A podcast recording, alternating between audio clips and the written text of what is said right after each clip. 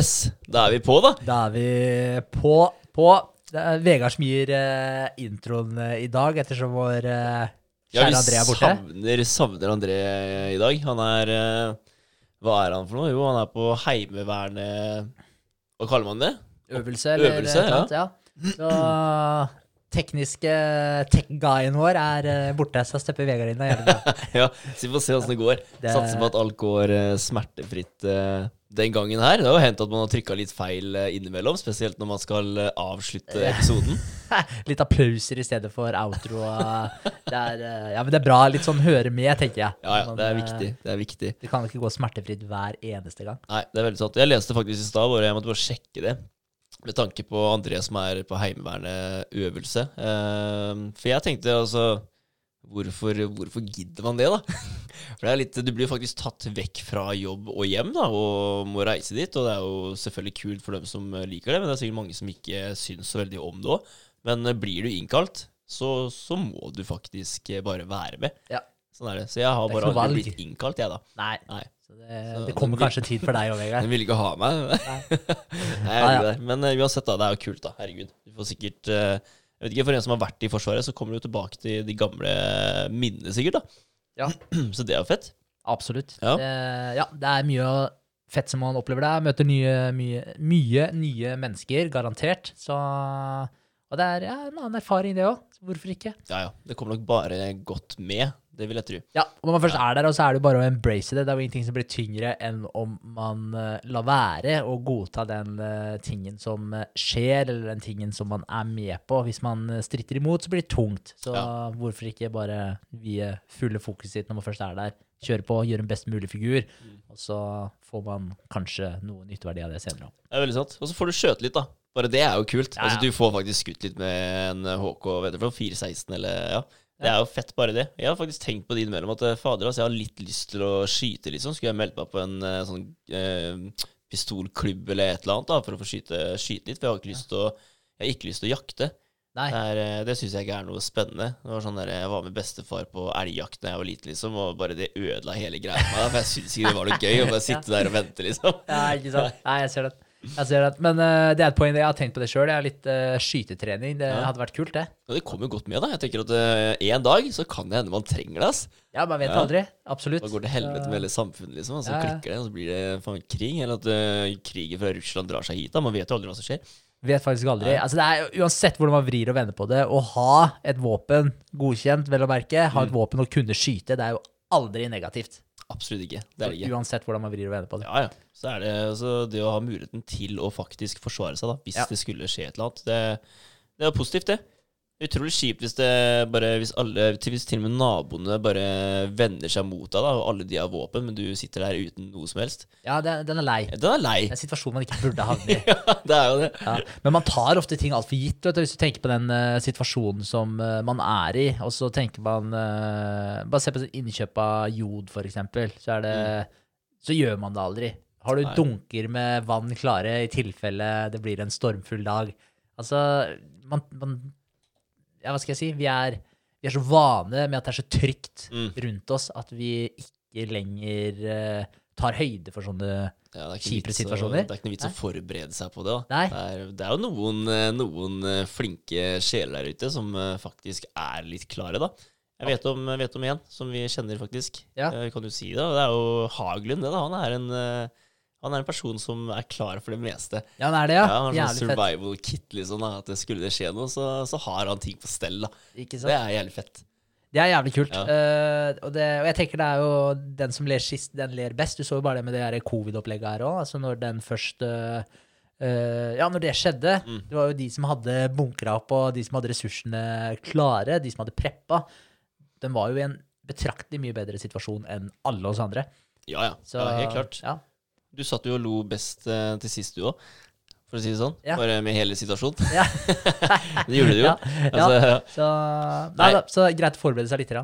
Veldig kult. Det er det også, Man trenger ikke å bygge en eh, jævla bunker ute i hagen. eh, Kanskje. Kanskje. Jeg vet ikke. Kanskje man burde gjøre det. Altså, Man vet jo tydeligvis ikke hva som skjer. da Plutselig blir det en jævla atom... eh, Vet du det, Atomvåpenkrig. Og da det er jo de, de folka rusta godt, da. Definitivt. Ja. Men jeg tenker litt sånn kost-nytte, jeg, da. Ja.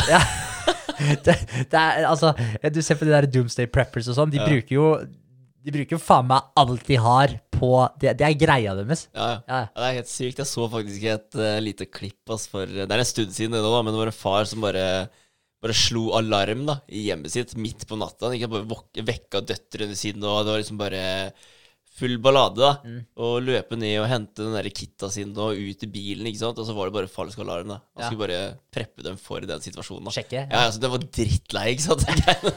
Han holdt på sånn hele tiden, da. Med å Ja. holde beredt. da Det er sånn der, eh, Ja, det fins en liten mellomting her, da. Ja, det, de gjør definitivt det. Men uh, noe, noen forholdsregler burde man definitivt ta, tenker jeg. Det er, det, er nok ikke, det er nok ikke dumt. Og der eh, bør jeg vel kanskje skjerpe meg litt. På det, akkurat det punktet der. Ja. Jeg vet ikke. Men, eh, men ja, jeg vet ikke hva som er det lureste heller. Det er som sagt det er det kost-nytte-spørsmålet. Det er det Ja. vi kommer tilbake til. Det er noe med det. Men uh, ha et lite våpenskap eh, hjemme, da. Med en uh, pistol eller gevær eller hva det enn skulle være. Så, så er det sikkert uh, kjekt. Ja. Altså, det skal du ikke ha det. Nei, nei, definitivt ikke. Så på et eller annet tidspunkt så, så må man jo ha det, tenker jeg. Mm. så er det så mye man skulle hatt på plass. Så det er liksom prioriteringer der også. Så Helt klart. Hva skal man, hva skal man starte med? det blir litt sånn, så man får bare opparbeide seg det litt på sikt, tenker jeg. Og så får man uh, se hvor eh, ballen havner. Det tenker jeg jo. Men uh, jeg tenkte å prate om en kar som heter Maxwell Maltz i dag. Ja. Har du hørt om han før? Spennende. Uh, ikke etter at du uh, Ikke før du sendte meg det i stad. Nei. Nei. Det, For, det har eh, jeg ikke. Jeg nei. tok en liten eller kjapp titt inn på, den, eh, på nettet i stad, før, eh, før podden. Det gjorde jeg. Ja. Ja. Han er jo da en plastisk kirurg, eller han var da, han Ja. er gått bort nå. Så han drev med plastisk kirurgi. Ja.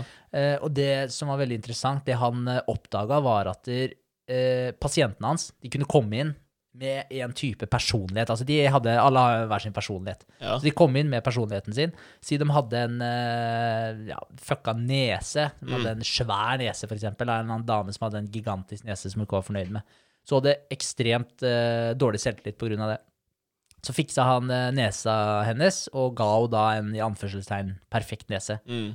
Og ut fra det så kunne det skje en eh, personlig transformasjon. At hun endra totalt personligheten sin fordi hun hadde fått en ny nese. ja, ikke? Så, så hun fikk mye mer selvtillit, mye bedre selvbilde, aksepterte seg sjøl på en helt annen måte, og det hjalp henne på alle mulige måter når det kom til psyken hennes og personligheten hennes. Og så hadde han andre tilfeller hvor folk eh, kom inn med tilsvarende ting, og han opererte på dem, fiksa det som var tilsynelatende problemet, Ja. og det skjedde ingenting med personligheten deres. Den var helt akkurat lik, like kua, like dårlig selvtillit, helt lik etter operasjonen var ferdig. Så, så folk reagerte helt forskjellig ja. på det. Så noen som sagt fikk en helt annen uh, vibe, en helt annen personlighet sånn sett, da, i forhold til hvor positive og hvor selvsikre de var, mens noen var det ingen forskjell på i det hele tatt. Det Så han hadde de som kom inn med de samme eh, følelsene, basically. da Altså sånn at noen av de reagerte på den måten, mens andre gjorde ikke det. yes. Ja. Så det ga forskjellig utfall. Ja. Og, og, og så var det noen som hadde De kunne ha Hva skal jeg si De var misfornøyde med en kroppsdel som var helt normal. Det er så ingen andre enn dem sjøl som tenkte på eh, at det var noe problem med den kroppsdelen. Så si nesa, det er så bra eksempel, for den står midt i trynet til folk. Så, så si det var folk som hadde komplekser med nesa si, men som hadde en helt normal nese. Det var ingen andre som brydde seg om nesa deres, eller kunne peke ut at det var en merkelig nese Nei. på noen som helst måte. Men allikevel så var de misfornøyde med nesa si, Mm. og han utførte da en operasjon på nesa deres, fiksa litt på den, og, og der også var det samme tilfelle, da.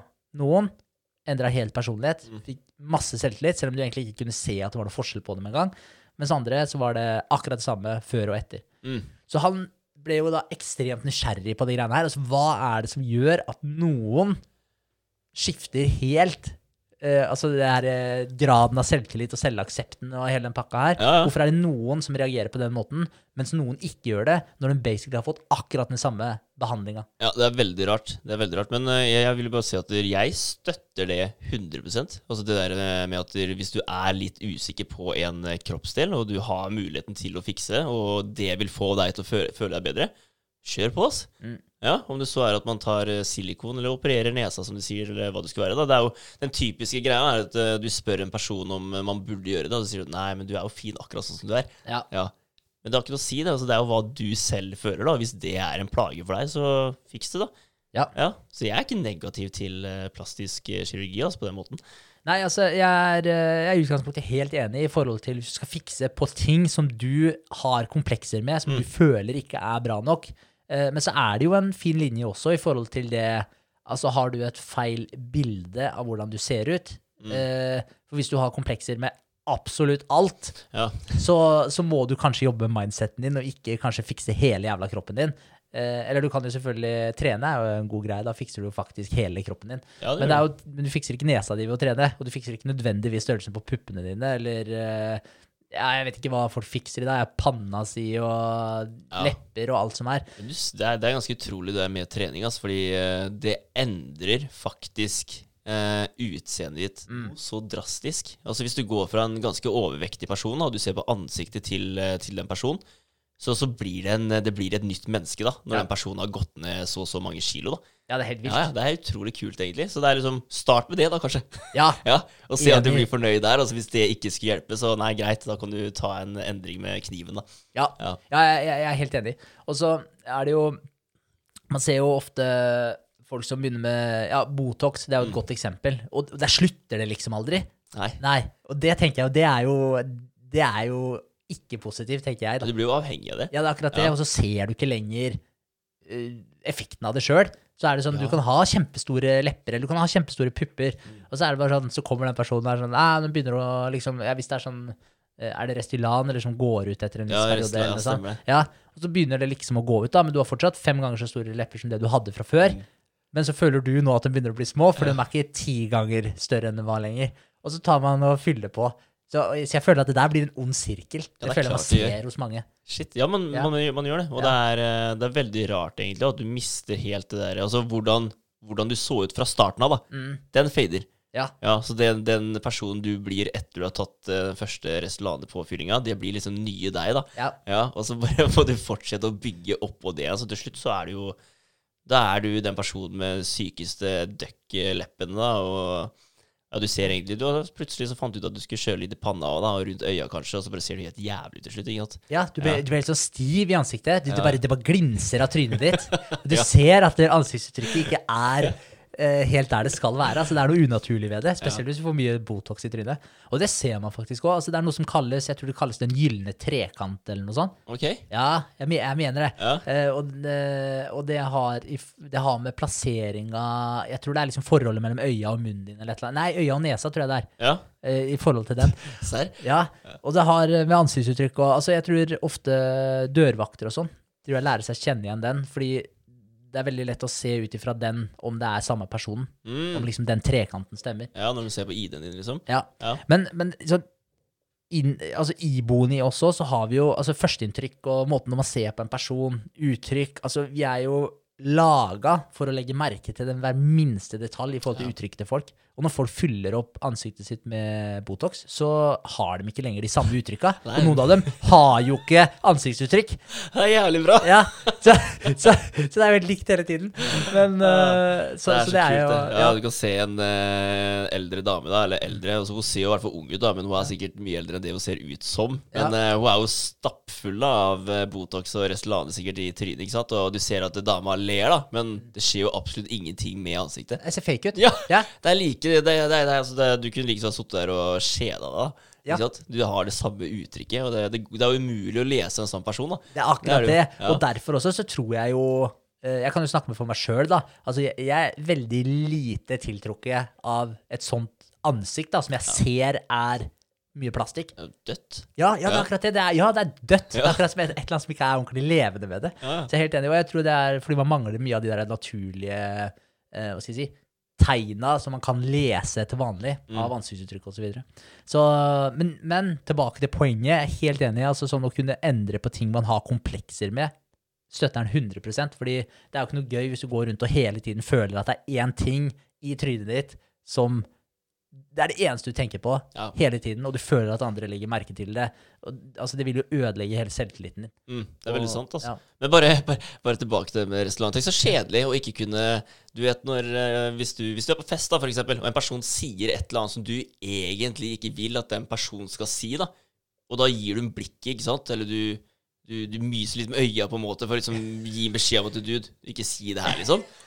Men hvis du er stappfull av de greiene her i trynet, da har du ikke mulighet da, til å gjøre det. Du får ikke stoppa det. Du må faktisk hyle det ut. da Du, må, du må si det, liksom. Altså, betyr, ikke Du må ta den, liksom. Du mista en del av det stille vokabularet ditt. Ja, du gjorde det. Uh, ja, lættis. Lættis. Så det er noe å tenke på. Ja, helt klart. Jævlig bra. Ja. Eh, men i forhold til han eh, Maxwell Maltz, det han eh, da bet seg merke i, var jo som sagt disse personlige transformasjonene. Hvorfor de skjedde hos noen, og hvorfor de ikke skjedde hos andre. Og det her ble han ekstremt nysgjerrig på, fordi han opererte jo drøssevis av mennesker. Og, og fant ut at dette hadde med innstillinga til personen å gjøre. Ok. Ja. Så det hadde med måten personen, individet sjøl, så på de greiene her. For som sagt, det var noen som hadde komplekser, som egentlig ikke hadde noen grunn i det hele tatt å ha komplekser. For nesa deres var i utgangspunktet helt normal. Eh, og så hadde du de som hadde en forferdelig defekt, som de fikk retta opp i. Og så hadde du de som eh, Ja, så, eller det var egentlig de to typene du har, da. Og så, men så hadde du fire forskjellige reaksjoner egentlig ut ifra det her. Ut ifra de, ja. Ja, så enten så ble det veldig mye bedre, eller så ble det ikke noe forskjell i det hele tatt. Uh, Ut ifra ja, hver og en. Og det var det han syntes var så fascinerende, og det han bet seg merke i, som sagt, det var at det, den forandringa, eller den forandringa i personligheten deres, det kom fra dem sjøl. Mm. Det var måten de så på seg sjøl på, ja som da, uh, hva skal jeg si, bidro til forandringa uh, i hvordan de så på seg sjøl. Så det han begynte å prøve å finne ut av, hvor, var hvordan kan vi trigge den forandringa her sjøl? For åpenbart så, så er det jo altså, Se for deg den personen med den nesa som eh, ikke var så ille. Mm. Så si at han hadde lagt dem i narkose, og så hadde han lata som han opererte på den. Bare laga et lite sår i nesa deres, Ja, si, og så liksom fiksa han. Så kan det godt hende at de hadde våkna opp etterpå og var strålende fornøyde. Så har det egentlig ikke skjedd noen verdens ting. Og det har det jo egentlig ikke, selv om du sier han hadde operert nesa også. da, Hvis du har en normal nese, opererer nesa, gjør om lite grann på den, men det er fortsatt bare en helt normal nese. Mm. Hvis du tenker utad for verden, alle andre, så vil det ikke ha noen verdens effekt, da. For de vil bare se på deg og ser at du har en normal nese. Du hadde en normal nese før, du har en no- normal nese nå. Så, så det er liksom ingen forandring. Den eneste, det eneste stedet det er en forandring, det er Det er i deg sjøl. Ja, i tankesettet ditt. shit. Så han prøvde å finne en måte å trigge det her på uten å faktisk måtte gjøre en endring da på utseendet. Korrekt. Ja. Så, så han tenkte jo da at det, eh, også at det, var mange som kanskje da kunne egentlig fikse problemene sine ved å fikse mindseten sin, fikse tankesettet. Ja, det er utrolig kult. Ja. Ja. Så det han kom fram til, da, det er at dere alle sammen har en uh, blueprint, en plantegning, for hvem du er som person. Ok. Ja. Men eh, ja, den er litt vanskelig, da. Ja, Ja. Og, og, det, og det, altså, den plantegningen her, det er jo noe du måte har brukt hele livet ditt på å bygge opp. Ja. Og der er det jo mange som har input i forhold til familie, venner, eh, kjæresten din, og ja, hva skal jeg si, lærere du har hatt på skolen, opplevelser du har hatt, alle idretter, sporter som du har vært med på, alt av andre aktiviteter, alt du leser på nett, altså alt det her er med å bare bake seg sammen til blueprinten din. Ja, Men blir det det samme som eh, bevissthet, underbevisstheten din, da, liksom? Er det er det, det samme? Ja, det, det er egentlig mer underbevisstheten din. Ja, så, det, ja. så det blir egentlig hvordan eh, Det blir egentlig hvordan underbevisstheten din opererer. For Ja. det er jo der det på en måte ligger. Det ligger jo automatisert i systemet ditt, Ja. denne plantegninga, i forhold til hvem du er. Og da vil det si også hvordan du ser på deg sjøl, hvordan eh, du eh, Hva skal jeg si Hvilke evner du føler sjøl at du har, hvor god du er i forskjellige ting. Mm. Eh, og, så det har med identiteten din å, å gjøre Ja. har det. Så det vil si at alle dine handlinger, da, følelser, oppførsler og evner, de, er, de, er, de skal alltid være i tråd med plantegningene dine. Så den plantegningen, når du bygger et hus, en arkitekt, de legger jo fram en plantegning i forhold til hvordan det her skal ses ut. Mm. Og det er sånn uh, den plantegningen fungerer for deg også. Den tilrettelegger nøyaktig alt som foregår med deg, så du vil alltid handle i tråd med din plantegning. Mm. Du må gjøre jobben ut ifra den, liksom. Yes. Ja. Så det vil si at hvis du mener sjøl at du er ræva i en ting, Mm. så vil du være ræva i den tingen, fordi du er en person som er ræva i den tingen, per egen definisjon. Ja, ikke sant? Og det, og Og da det, blir du automatisk dårlig òg, da. Du jo det. Altså, når du sier det til deg sjøl. Altså, det er jo en greie, greie her. Det der, eh, snakke seg ned eller snakke seg opp, da. Snakker du deg ned, så, så, så, så blir du dårligere. Det er, det er jo bevist. Ja. Altså, folk som eh, snakker negativt til seg selv, de, de blir faktisk eh, dårligere av det. Det, det. det så jeg faktisk eh, litt om her for litt siden. Da hadde de gjort et undersøkelse på gamle, eldre mennesker, da. Mm. Ja, nå sitter jeg altfor langt til sida her. De hadde gjort eh, undersøkelse på eldre mennesker, hvor eh, halve gruppa skulle, skulle prate negativt om det å være gammelt. Altså de, negative orda man forbinder med det å være gammel, da, sånn alene, ensom, syk, de tinga der. De skulle tenke og fortelle de tinga til seg selv hele tiden, mens den andre gruppa skulle skulle si de positive, altså frihet og ikke sant, alt det her. da. Og det påvirka dem faktisk. altså Den negative gruppen, de, de døde før den positive, da. Ja. Altså, vi er der, da. Det er helt, Ja. altså det er så fascinerende greiene der. fordi altså Sånn som det eksempelet du tar der, Mm. det er mange eksempler på det, hvor de faktisk har testa det her, hvordan det vi tenker, påvirker det som faktisk skjer. Og der hadde de jo den eh, andre testen, og bare for å videre underbygge det du sier der. De hadde jo en eh, test i et klasserom hvor de skulle ja, finne forskjellige ord i noe sånn her eh, type Ja, hva heter det for noe? Uh, ja, si, si at du skal ringe rundt ord, da. Ja. Finne ord i en sånn firkant Ja, med masse bokstaver. Og så var det noen som de hadde planta masse positive ord i, eller som hadde med, eh, eller hadde med effektivitet, rask, smidig, hurtig, alt sånn her. Og den andre hadde motsatt, noe sånn treg, eh, slapp, eh, trøtt, altså sånne type Ja. ord. Og så skulle de, eh, når de var ferdig med den eh, testen her, for å si det sånn, se hvor mange ord du klarte å finne på så og så lang tid, så skulle de gå til et annet rom i det samme bygget, og det var en viss distanse mellom disse rommene. Og det var egentlig der selve testen var, for da klokka de dem hvor lang tid de brukte fra å gå fra det ene rommet til det andre. De som hadde ord som hadde med rask smidighet, alt det greiene her, de gikk mye raskere til det andre rommet enn det de andre som hadde disse slappe orda, gjorde. Ja, ikke sant? Så-. Det, ja, så det er så sykt hvor påvirkelige vi er Ja. når det kommer til en sånn type input. Det er helt rått. Mm. Det er, helt, eh, det er nesten skummelt å tenke på det på den måten der. Altså at man, at man, at man faktisk kan endre Du endrer jo holdninga di da, Mm. ved å gjøre det her. Altså, men det burde blitt så mye mer eh, utspredt, da. Altså, det budskapet er liksom altså, Snakk dere opp, da. Ja, for det, det bidrar så sinnssykt mye for deg sjøl i hverdagen. Ja, Det gjør det. og det er jo virkelig en lekse å ta med seg også fra det, når man hører de studiene og de resultatene der. Ja. Definitivt. Selvsnakken din. Viktig. Ja, ja. det er det. Ja. det, er det. Så, men ja, det er skummelt. Det er, er skummelt å tenke på, og det er enda skumlere å tenke på at hvis man ikke er bevisst på de tinga her også, hva for en uh, vanvittig effekt det kan ha på deg uten at du egentlig får gjort noen verdens ting med det. Er du klar over det, så har du jo muligheten til, å- muligheten til å påvirke det i en eller annen retning. Mm. Men det har du ikke hvis du ikke er klar over det.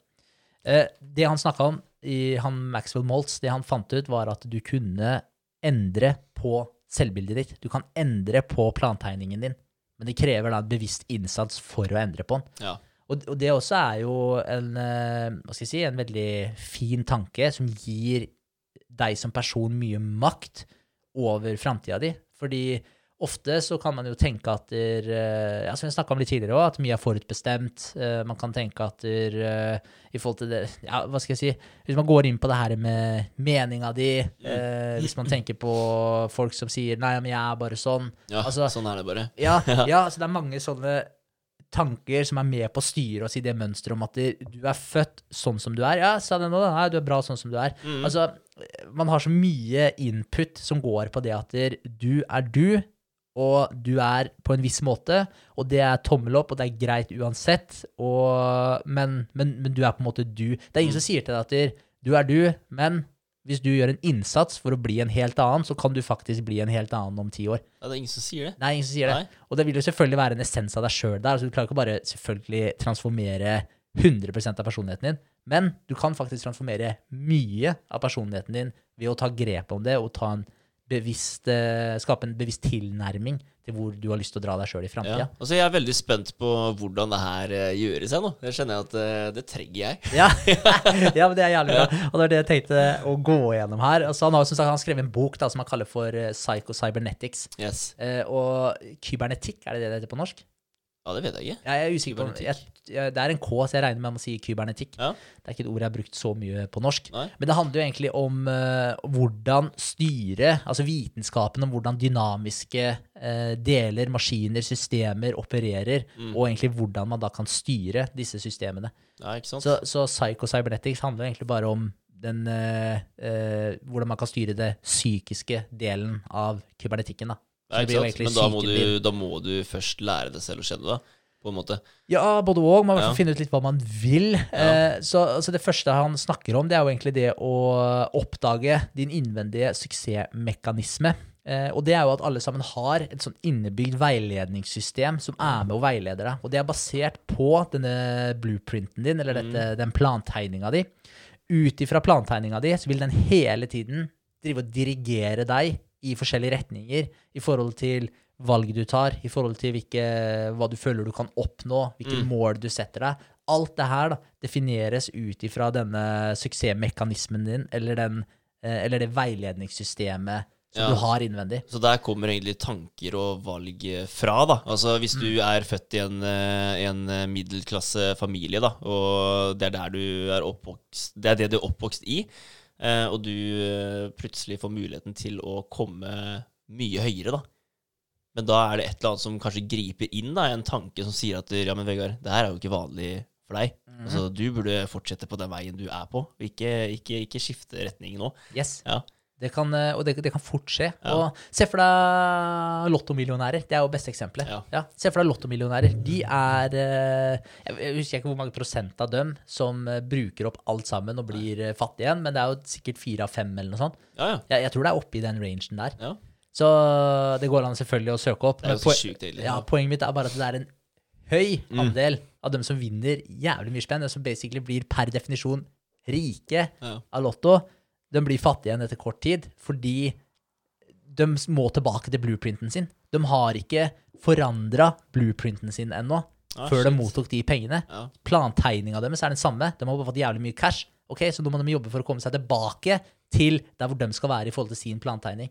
Utrolig kult. Det er det Og beste eksempelet på det. må være han derre søppelmannen altså i, i England som eh, vant eh, Ja, jeg husker ikke hvor mye det var, men det var vel noen 100 millioner pund, eller? Ja. Og jævlig mye cash, i hvert fall.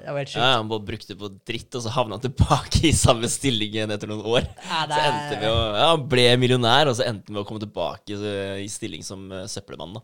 Helt vilt. Ja. Så han er- eh, ble trukket tilbake til blueprinten sin. da, da. Ikke sant? Ja. Nettopp. Og det er eh, sånn som eh, han Mr. Jim Rohn sa også. Han sa hvis du, hvis du vinner en million dollar, Mm. så er det best for deg at du blir en millionær raskt. Ja, ikke sant? Og det er jo akkurat det han snakker om da. Sjukt. Ja, ja, altså Du må få mindseten til en millionær. da Altså Du må endre mindseten din ut ifra hva du har fått. da Yes. Ja, Ellers så- klarer du ikke å ta vare på det. Nei, det er akkurat det. Ja. Da spiller det ingen rolle lenger at du har vunnet en million. For du er ingen millionær. Du må bli en millionær i Ja. kroppen, i systemet ditt, i nervesystemet ditt, før du eventuelt klarer da å beholde de pengene. ja Du må lære deg å kjenne, ja. Ja. Så, Ja, det er- det, er, eh, det er sjukt interessant. Så hvis du, som du sier, hvis du overpresterer på et eller annet, Mm. så vil systemet ditt finne en eller annen måte å dra deg tilbake på der du Det er jo du, der Ja, du egentlig mener da, at du burde ligge. Der du burde være. Eh, så, og før eller siden så kommer du til å havne der òg, hvis ikke du oppdaterer denne eh, plantegningen din, eller den der eh, veiledningsmekanismen din. ja. Så det, måten du starter med det her på, det er jo eh, Hvis du ser på forskjellen på mennesker og dyr, så har vi noe dyr ikke har. Og vi har en kreativ fantasi som vi kan bruke. ja. Og det er der du starter egentlig hele greia, og det er, og det er at du må eh, bygge deg opp et eh, mål i sinnet ditt i forhold til at du må visualisere et eller annet sted, eh, en eller annen ting som du har lyst til å få til. Så, så det er der det starter, med da, og da begynner kroppen å jobbe etter det, da, eller? Er det sånn der? Ja, Ja. fordi det du må gjøre er å eh, se for deg den tingen her, og så må du trigge en eh, følelse også opp mot det målet her. Så Ja. du må trigge det, du må skape det her som et minne i systemet ditt mer eller mindre. Men alt sammen, da, det starter, det starter med en målsetning. Fordi denne suksessmekanismen, eller det veiledningssystemet, det opererer som en type servostyring. Så det det vil gjøre, er at når du har satt deg et mål eh, fore, Ja. som du har lyst til å oppnå, og du visualiserer det her ofte, sånn at du gjør systemet ditt kjent med hvor det er du har lyst til å ende opp, da har du på en måte en rød tråd å følge.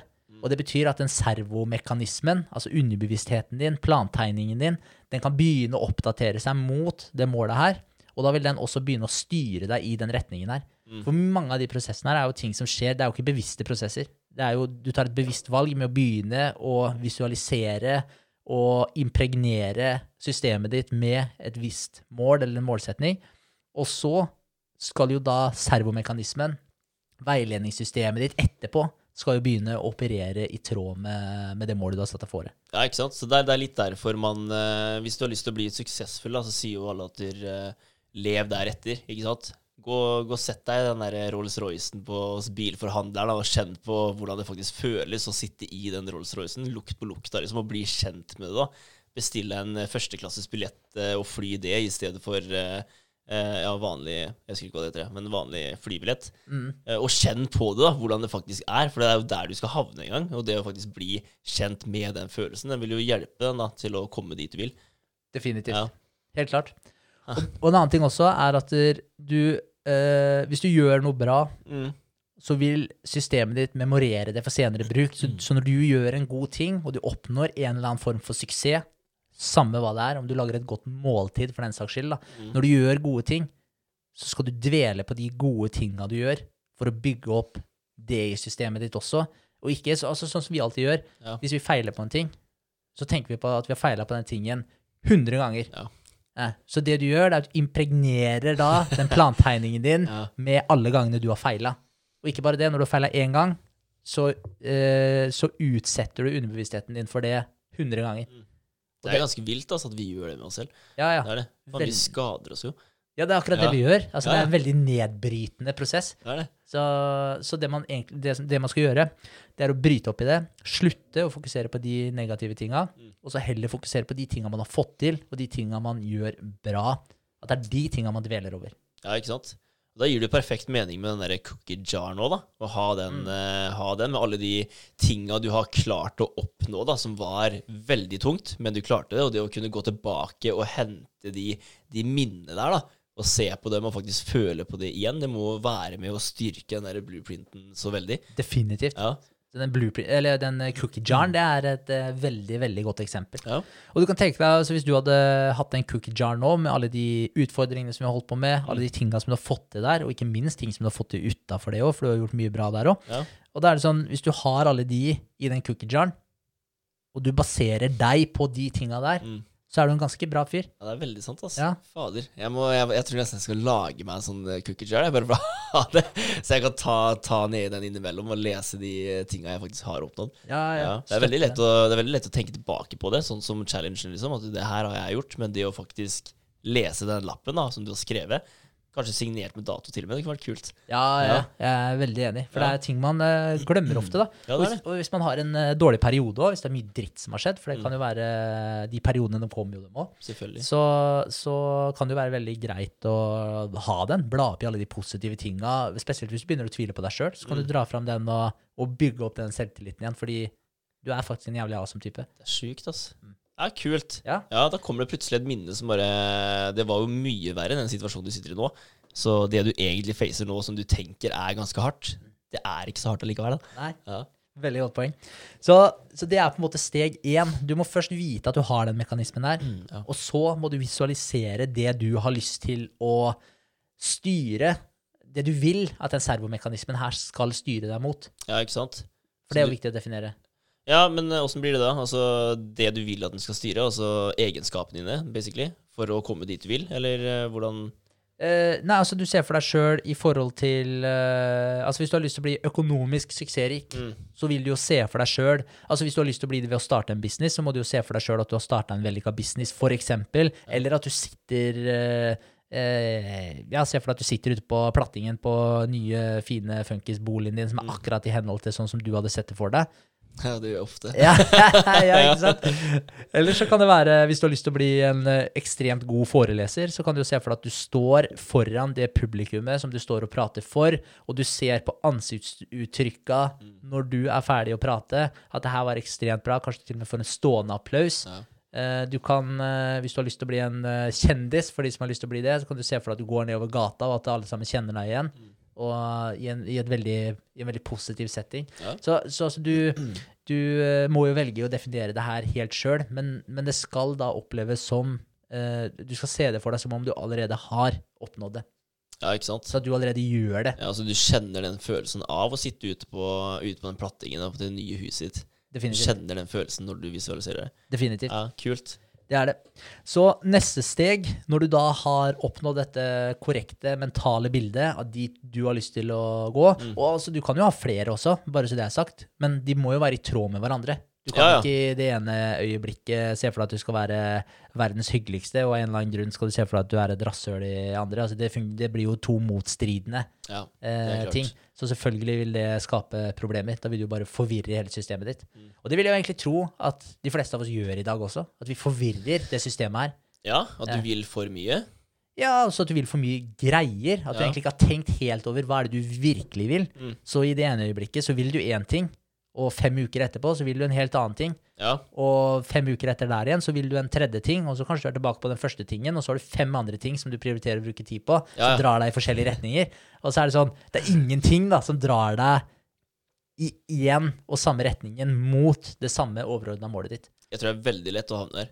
Jeg Ja, tenker med meg sjøl, da. Altså, det er ofte jeg tenker at du, åh, det der kunne jeg tenkt meg å gjøre, men eh, da har jeg det nå. At ja, men det får skje etter vi har kommet dit vi først skal komme. Da Da kan man bruke det man har klart å oppnå ved å nå det første målet, med, Mm.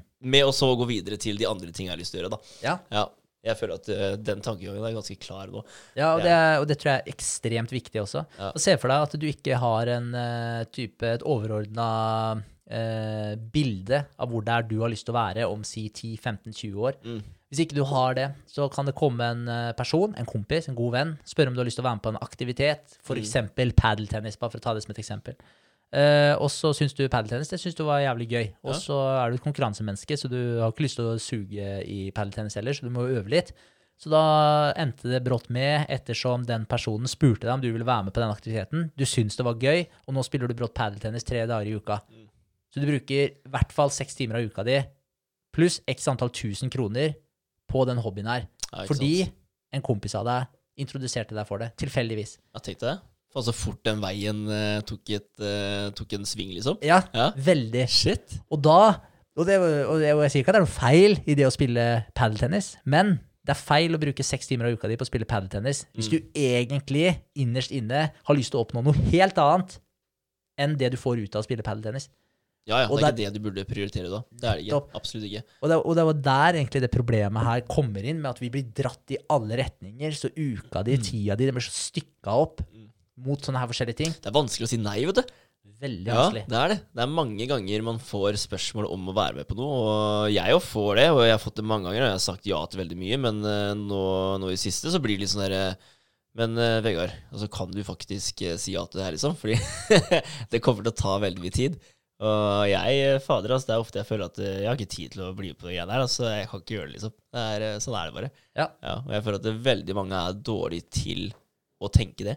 Ja, ja, Ja, ja. absolutt. Og jeg har merka veldig stor forskjell på meg sjøl òg, for jeg også har hatt akkurat samme greie. Jeg har blitt med på alt mulig rart, brukt masse tid på alt mulig rart, og, og jeg misforstår meg, jeg har vært, vært fornøyd med det. Mm. Men nå som jeg har denne overordna eh, forestillinga om hvor det er jeg har lyst til å ende opp hen, Ja. Så er det veldig lett for meg å se er det her i tråd med det målet og den kursen jeg egentlig er på vei, Mm. eller drar det her meg i en annen retning. Og det, så, du, så du får på en måte et rammeverk da, som er med på å hjelpe deg å styre egentlig, og ta de avgjørelsene for deg. Så Ja, det det veldig veldig lett. Ja, men det er ikke den aktiviteten eh, en av de tinga som er med da på å føre deg den veien eh, du skal. Absolutt. Det er kult. Det, Ja. det er jo egentlig en del av det vi akkurat eh, hadde som svar, da. Ja, ja, definitivt. Og, da, og da har du jo, fordi det er jo enda mer konkret, enda mer bevisst når du tar det valget. Men så har du alle disse små ubevisste valgene som du tar. Mm. Altså hvor er det du går hen, hvilke situasjoner er det du plasserer deg i, hvilke mennesker er det du velger å ta kontakt med. Altså det er så mye Altså brått så får du en hunch ikke sant, på at du skal gjøre et eller annet. Hvorfor får du den hunchen? Hva kommer den av? Ja, ja. Ja. Hvor, Shit. hvorfor fikk du brått en hunch om å skrive til den personen, eller ringe den personen, eller eh, tenke at vet du hva, den eventen her bør vi dra på? Hvorfor? Hvorfor får du de hunchene? Det er fordi systemet ditt forteller deg at her er det noe. ja, ikke sant? Ja, der har du den innvendige mekanismen, da, underbevisstheten din, som er med og styrer deg i en eller annen retning, basert på den inputen som du i utgangspunktet har gitt den fra før, eller mange andre. Det spørs hvor flink du er med å vet dere, eh, ja, hva skal jeg si, finkjemme eller filtrere, Ja, filtrere det, filtrere det som kommer inn. Hva er det som kommer fra deg, og hva er det som kommer fra andre, eksempel? Mm. Ja. Hva er det du vil ha inn her, da? Det er noe med det. Ja. Så ja, så, så den er veldig viktig å bite seg merke i. Eh, det neste er at du skal dehypnotisere deg sjøl fra negative forestillinger. Ja, ok. Ofte så går jo vi rundt og føler mindreverdighets... Eh, eller mindreverd ved Ja. oss sjøl, så vi får et type sånn mindreverdighetskompleks. Ja. Små menn, er det Lillemannssyndrom. ja. Eh, så ja, men det kan jo være en legit greie, det. Definitivt. Altså at du føler deg mindreverdig fordi du er liten. Ja. Definitivt. Så, men ofte så går man eh, rundt og ja, føler disse mindreverdighetskompleksene. Men eh, det er følelsene som skaper komplekset. Det er ikke det at du nødvendigvis har en eh, egenskap eller karakteristikk som gjør at du fortjener å, å føle dette mindreverdet. Mm. Så se for deg hvis noen, eh, hvis noen sier noe dritt til deg, ja.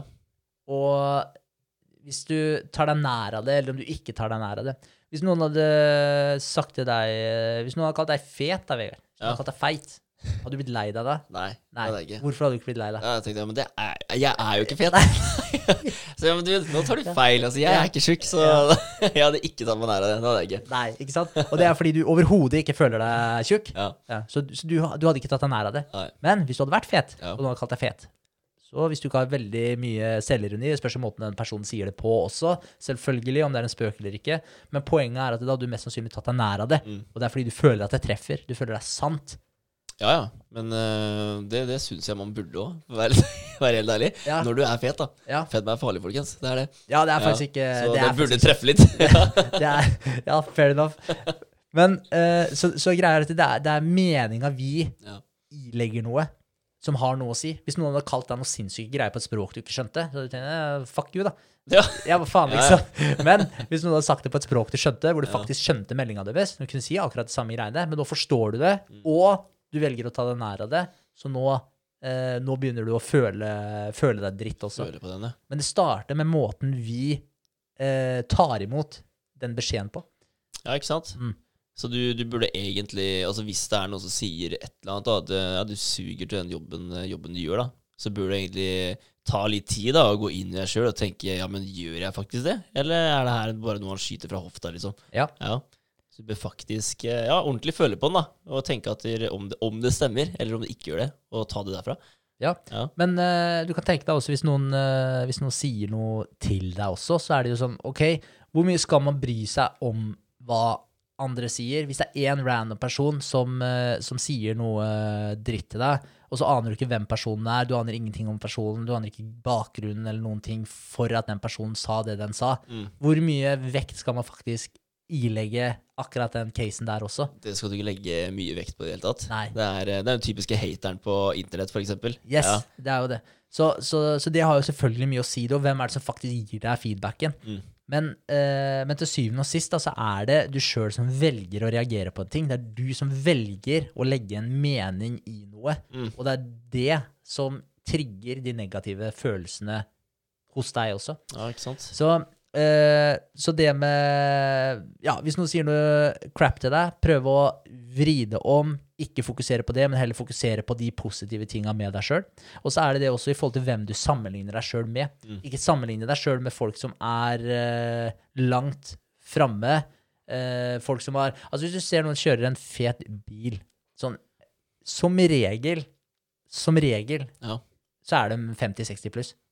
Ja, som Ja. regel. Som regel. Ja. Og så har du noen unntak. Mm. Men som regel er det 50-60 pluss. Ja. Og så går man kanskje og tenker eh, ah, fuck, hvorfor har ikke jeg den bilen? Så er det sånn, ok, men vil du være 60 år og ha den bilen?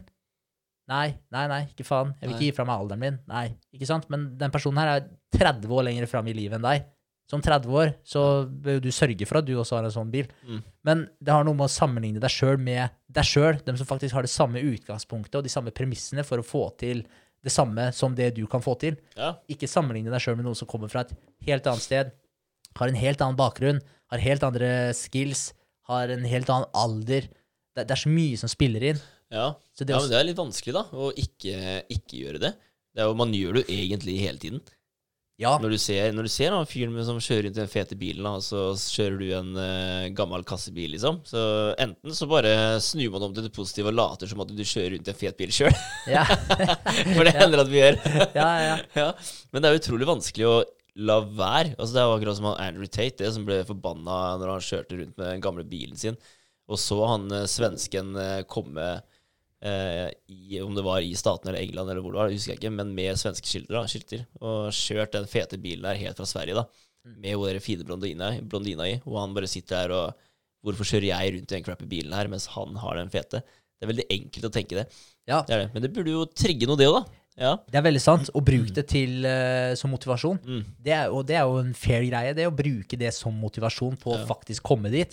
Men det er, når det blir eh, negativt, er jo når du, eh, når du føler deg mindre verdt. Mm. Fordi du ikke har fått den allerede. ja. Jeg kommer aldri dit, liksom. Nei, hvis man begynner å tenke sånn, eller Ja. at du er ræva som ikke har det allerede, og ja, gå ned den der eh, slippery slopen Mm. der, da blir det fort veldig negativt. Men hvis du tar det til deg, bruker det som motivasjon, men sammenligningsgrunnlaget ditt Mm. bør være deg sjøl Ja. i forhold til hvordan du føler deg. Du kan jo bli forbanna fordi de har det, men igjen, hvis du tar det eh, til deg og bruker det som motivasjon for å få det til sjøl, så er jo det en veldig, hva skal jeg si, en god utnyttelse av den eh, aggresjonen Mm. eh, vil jeg jo påstå. Mens eh, eh, Ja. Men, men igjen, hvis du føler deg mindre verdt som ikke har oppnådd det allerede, da går det utover denne suksessmekanismen din igjen. Mm. For da vil du drive og fortelle deg sjøl at du er dårlig, du er mindre verdt, du får ikke til ting, du er ikke like suksessrik som de andre rundt deg, du burde ha fått det mer. Og da er den dialogen der i gang. Mm. Da er det det du impregnerer denne plantegningen din med, og du tegner opp en dårlig blueprint for, eh, for fremtiden din. Ja, ikke sant? Isteden så burde du faktisk eh, se han fyren da, og så burde du eh, Det er da du burde bare sette deg ned og tenke OK, hva er, hva er det jeg faktisk kan gjøre for å komme til det samme punktet som han fyren der er? Eh, ja, når jeg også er eh, i den alderen, da. Har jeg, har jeg faktisk de egenskapene og skillset til å komme dit han er? Ja, og bare ta den ærlige samtalen der med deg sjøl, og så klarer jeg faktisk det. Og med den jobben jeg har nå, da, holder det til å komme dit, eh, dit han er, eller må jeg gjøre noen endringer der? Må jeg, må jeg bytte jobb? Må jeg jobbe meg oppover? Må jeg lære noe nytt da, for å klare å få en bedre stilling, så jeg kommer dit han er, eller må jeg starte noe eget? Ja, det er, det er ikke bare bare å sette seg ned og ta den uh, diskusjonen heller. Absolutt ikke. Nei. Men det som er veldig bra med det du gjør der, det er at du spør deg sjøl hele tiden hvorfor, hvordan. Mm. Hvordan kan du oppnå det? Ikke gi deg sjøl alle grunnene til hvorfor det ikke går. For det er jo det mange gjør når de ser en, eh, en, eh, ja, en person som de har, kunne ønske at de var nærmere eh, si, økonomisk, personlig, Mm. utseendemessig, eh, alle disse parameterne her, så er det jo det ofte folk gjør, at de føler seg dårligere og kommer med eh, Ikke nødvendigvis unnskyldninger engang, men bare er misfornøyde med det. Mm. De spør seg ikke sjøl hvordan kan jeg bli det, men de er bare misfornøyde med det faktum at sånn er det. Ja, ja, det passer aldri. Nei. Det er sånn, nei, det er for dyrt nå. Ja, Ja, ja. Kan ikke, det er altfor sent ute med å kjøpe det huset her, for nå er det for dyrt. Ja, så går det ti år til, og så fader, hvorfor kjøpte jeg ikke det huset på den tida der? Ja. nettopp. Det er en typisk greie. Definitivt. Så det er alltid lett å, å se tilbake på den. Mm. Helt klart. Så, men ja, men det er i hvert fall uh, tipset. Og altså, hovednøkkelen her er å sammenligne deg sjøl med deg sjøl i går. Ikke sammenligne deg sjøl med alle andre rundt deg. Bruk det som motivasjon. Ja. For, for å se om du har blitt litt bedre nå enn det du var. Ja, Ja. fordi da betyr det jo per definisjon at du beveger deg i riktig retning. Du Ja. Mm. utvikler deg, du blir bedre. Men hvis du sammenligner deg sjøl med noen som alltid er milevis foran deg, så vil du jo alltid føle deg crap. Hvis du bruker det som motivasjon, faen, jeg skal også komme dit, men du sammenligner deg sjøl med den du var forrige uke, den du var for et år siden, den du var for fem år siden, og da ser du ok, jeg beveger meg framover, jeg beveger meg mot målet, og, og da har du jo en grunn til å være både stolt og fornøyd med deg sjøl. Ja, ja. Altså, det blir jo som en eh, treningsplan da, når du er, og, når, når, du er på, når du er på trening. og du fører ned de setta du har tatt, og de vektene du har tatt, og du, du går gjennom det etter en hel måned, og du ser den stigninga. Det, det, blir jo, det blir jo egentlig det samme konseptet. Definitivt. Ja. Det er akkurat det samme. Ja, kult. Helt klart. Og da, det du også gjør da, når du skriver ned de tinga her, så ser du at du har en progress hele tiden. Du har en framdrift på treninga di. Det du begynner å gjøre da, det er at du begynner å modifisere plantegningen din til å fortelle deg at der- du er en person som har god fremdrift på treningene, du blir sterkere og sterkere, du er en sterk fyr, og du er i form, og du begynner å gi deg sjøl alle disse positive tilbakemeldingene her. Og når du kommer på trening da, så er du enda mer sulten på, på å yte, og du føler deg bra fordi du vet at det her er noe du er god på. Det her er noe du har progresjon i. Ja, veldig sant. Så, så der også er du med på å forme den blueprinten din, eller Ja, ja. plantegningen din. Det er jævlig kult. Altså Når man begynner å tenke på det på den måten der, så, så, så blir det så Det blir så spennende, da. Og jeg kjenner at jeg blir jo gira bare å sitte og snakke om det her. Ja. Jeg gjør det. Det er, men, men det er det som er så fett, for det er, det er som du sier, det er spennende. Mm. Fordi det betyr i og for seg at du kan lage, altså du kan skape den personen du ønsker å skape. Ja. Og Ja, det er det er, det jo en jævla superpower i seg sjøl. Ja, og det, en, det må være en åpenbaring for veldig mange og, å skjønne det, da. At man faktisk kan skape den personen du vil bli, og du ikke er dømt til å gå den, gå den veien da, som, eh, som alle før deg har gått. Ikke sant? For det er, det er jo typisk det at du bare blir satt i en, eh, i en eh, bas, holdt jeg på å si, en kategori. Du er, du er den personen, du. Sånn er det liksom. Du skal bare følge den veien der. Du får ikke lov til å bli noe, bli noe mer. Mm. Det er jo veldig mange som tenker på den måten her. Ikke at du kanskje ikke får lov til å bli noe mer, men at du ikke klarer å bli noe mer. Kanskje. Ja, ja. Ja. Det helt klart. Ja. Og du har jo basically, når folk eh, forteller deg det hele tiden, så sier de jo indirekte også at eh, du ikke får lov å bli det. Mm. Fordi de har satt disse mentale sperringene i eh, sinnet ditt allerede, som Ja, setter masse, masse begrensninger på deg sjøl. Helt klart. Um, Fader, det er jo bare den derre Når du er på jobb, da, og du forteller kollegaene dine at dere, eh, Folkens, jeg skal starte noe eget. Og de bare Ja, men det burde du ikke gjøre. Nå, nå burde du, du Du har en uh, sikker eh, stilling her som uh, det, det kommer aldri til å være manko på jobb her, liksom. Den kommer du til å beholde. Og det å stikke ut og starte noe eget, det er skummelt, og det er vanskelig. Er du god nok til å faktisk klare det, liksom? Det, da kommer det veldig mange spørsmål, da. Og da blir det jo igjen den, da, at du skal klare å ikke ta deg nær av det. Og ikke la det synke inn. Ja, Ja, den er vanskelig. veldig vanskelig. Og der kommer jo egentlig masse kommentarer til det der. Det ene er jo at ofte så vil jo folk eh, projisere sine eh, shortcomings over på andre. Mm. Så hvis du er usikker sjøl, så vil du speile den usikkerheten over til andre. Ja. Så hvis du er redd for å ta sjanser, så vil du også prøve å eh, påvirke de rundt deg til å ikke ta sjanser. Fordi hvis hvis du, Vegard, hvis jeg jobber sammen med deg, og jeg egentlig ikke tør å ta sjanser, men jeg også innerst inne har noen drømmer som jeg hadde håpa jeg kunne oppnå, men så tør jeg ikke å ta det steget. Hvis du går foran og tar det steget, så slapper du basically meg i trynet av Ja. usikkerheten min. Og det er jo derfor man ofte reagerer på den måten også, fordi man Det speiles over på deg sjøl, og, og da vet jo jeg at æsj, Vegard han er tøffere enn meg, han tør å gjøre de tinga her Ja, som jeg ikke tør å gjøre, og det blir jeg grinta.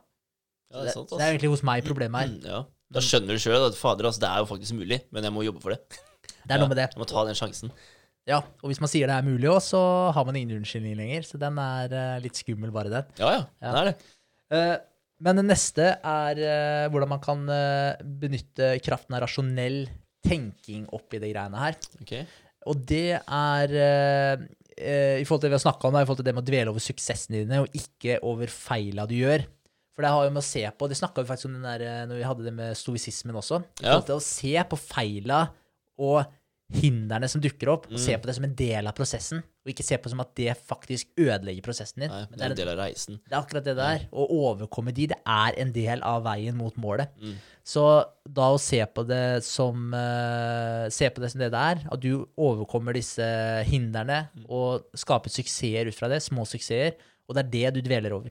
Ikke de gangene du feiler. Og hvis du feiler, ok, da tar du et steg tilbake, og så må du bare anerkjenne det her er en naturlig del av prosessen mot å, å nå målet. Ja, ja. Pivotering heter det. Ja, nettopp. Det er det de gjør.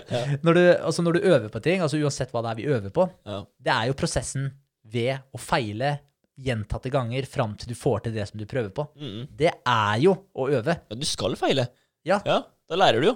Det er jo Definitivt. det, det, er jo det alle sier. Altså, du, du, du burde nesten være glad når du feiler, på en måte. For, å, for da vet du at det er greit, da har jeg lært av denne situasjonen her. Da, da vet jeg det til neste gang jeg prøver noe nytt. Da kommer jeg enda lenger. Definitivt. Ja. Og tar med den der eh, selvtilliten inn i det neste Ja, ja, du bare fyller opp den verktøykassa di. Det er det du gjør. Yes. Ja.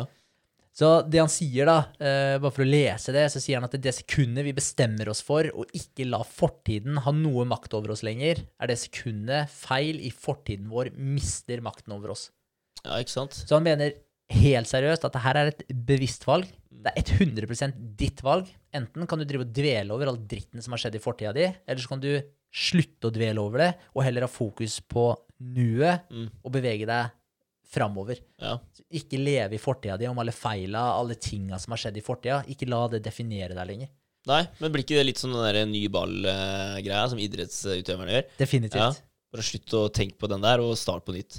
Eller, ja, Ja, ja. eller ikke tenk på det som skjedde akkurat, da. Men, eh, eller for mange år siden. Men eh, bare gønn på, og rens tankene dine. Ja. Ja. 100% Det er et veldig veldig godt prinsipp, det han Jonas eh, Ja, ville komme der. er det. Eh, For jeg merker at det går igjen i mange av de tingene som vi snakker om òg. Mm. Absolutt. Så det han sier, er at i forhold til det å effektivt kunne endre da, et tankesett eller et mønster som du har Så hvis det er en ting som har vært med deg i lang, lang, lang tid, eh, typ fra du var liten, da, så har du bygd opp et eller annet mønster. Altså Det er jo, som jeg snakka om tidligere også, du sementerer jo det her ved hjelp av å bygge de synapsene i hjernen din. Så sementerer du de mønstrene her, og og de blir ikke borte. Det eneste du kan gjøre, det er å erstatte de med noen sterkere synapser, som tar tid å bygge opp. Og det også tenker jeg at det er en sånn hva skal jeg si, en sånn grunnleggende greie å ha forståelse for om Mm. hvordan det fungerer i hjernen din. For da blir du så mye mer bevisst på hvilke tanker du lar slippe til, hva du velger å skyve til sides. At du får mye bedre kontroll på den prosessen oppi her. ja, ikke sant? Så, for hvis du vet hvis du vet at hver gang du tenker på den tingen, eller tenker å gjøre en ting som du egentlig har sagt til deg sjøl at du ikke skal gjøre, så gjør du det vanskeligere for deg sjøl. Fordi du driver og fyrer disse synapsene. Så, så ville du jo vært mye mer forsiktig med hva det er du faktisk velger å underholde av tanker. Og er følelser, ikke sant. Ja. Så, så det han sier, er at eh, det med å knytte den derre dype følelsen til det målet ditt, eller det mønsteret som du ønsker å forandre. Og det må ikke nødvendigvis være et sånn gigantisk stort overordna mål. Si at du har en eller annen eh, personlighetsgreie som du ikke er fornøyd med. En eller annen eh, Si at du sliter med selvtillit, f.eks. Mm. Si at når du går på bussen, så ser du kun ned i gulvet. Du ser ikke på de menneskene som går inn der, fordi du har dårlig selvtillit. Ja. Ok, se for deg da at du faktisk eh, går på bussen, og du tar og har øyekontakt med eh, begge rekkene, og før du finner deg en plass og, og setter deg ned. Mm. Visualiser den, og så visualiserer du den gode følelsen. Du kan til og med visualisere at du faktisk smiler til eh, Ja, for Smileråd smiler, og får noen varme smil tilbake, Ja, og de bare anerkjenner deg som person. Og så får du den, trigger du den gode følelsen, for følelsen også er nøkkelen her i forhold til det å impregnere underbevisstheten din, Mm. den nye plantegninga, få oppdatert den, så må du knytte en følelse til det du visualiserer.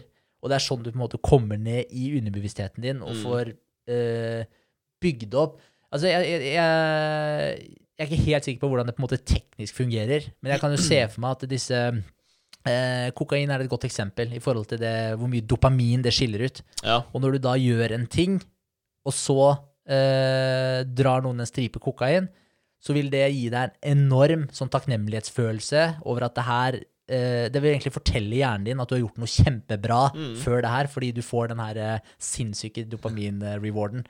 Og den vil jo da sementere det mønsteret her Mm. veldig hurtig hos deg, fordi kroppen din fikk en så god feedback at det her ønsker jo kroppen din å automatisere for deg, fordi det her ga deg en så god følelse. Ja. Og, og jeg tror det er litt av det samme du trigger eh, når du da Når du trigger det her med en følelse, da. At du faktisk eh, bygger opp et sterkere Det er lettere å sementere det Mm. enn hvis du bare tenker helt eh, random på eh, målet ditt, og så hopper du fort videre til en annen ting. Altså, det blir på en måte ikke like eh, Hva skal jeg si Det fester seg ikke like dypt, da. Det gjør ikke en like stor Det har ikke en like stor påvirkning på det. det vil ikke bli et resultat på den måten. da. Er det ikke sånn? da? Tanker eh, pluss følelser blir et resultat. Er det ikke sånn det funker?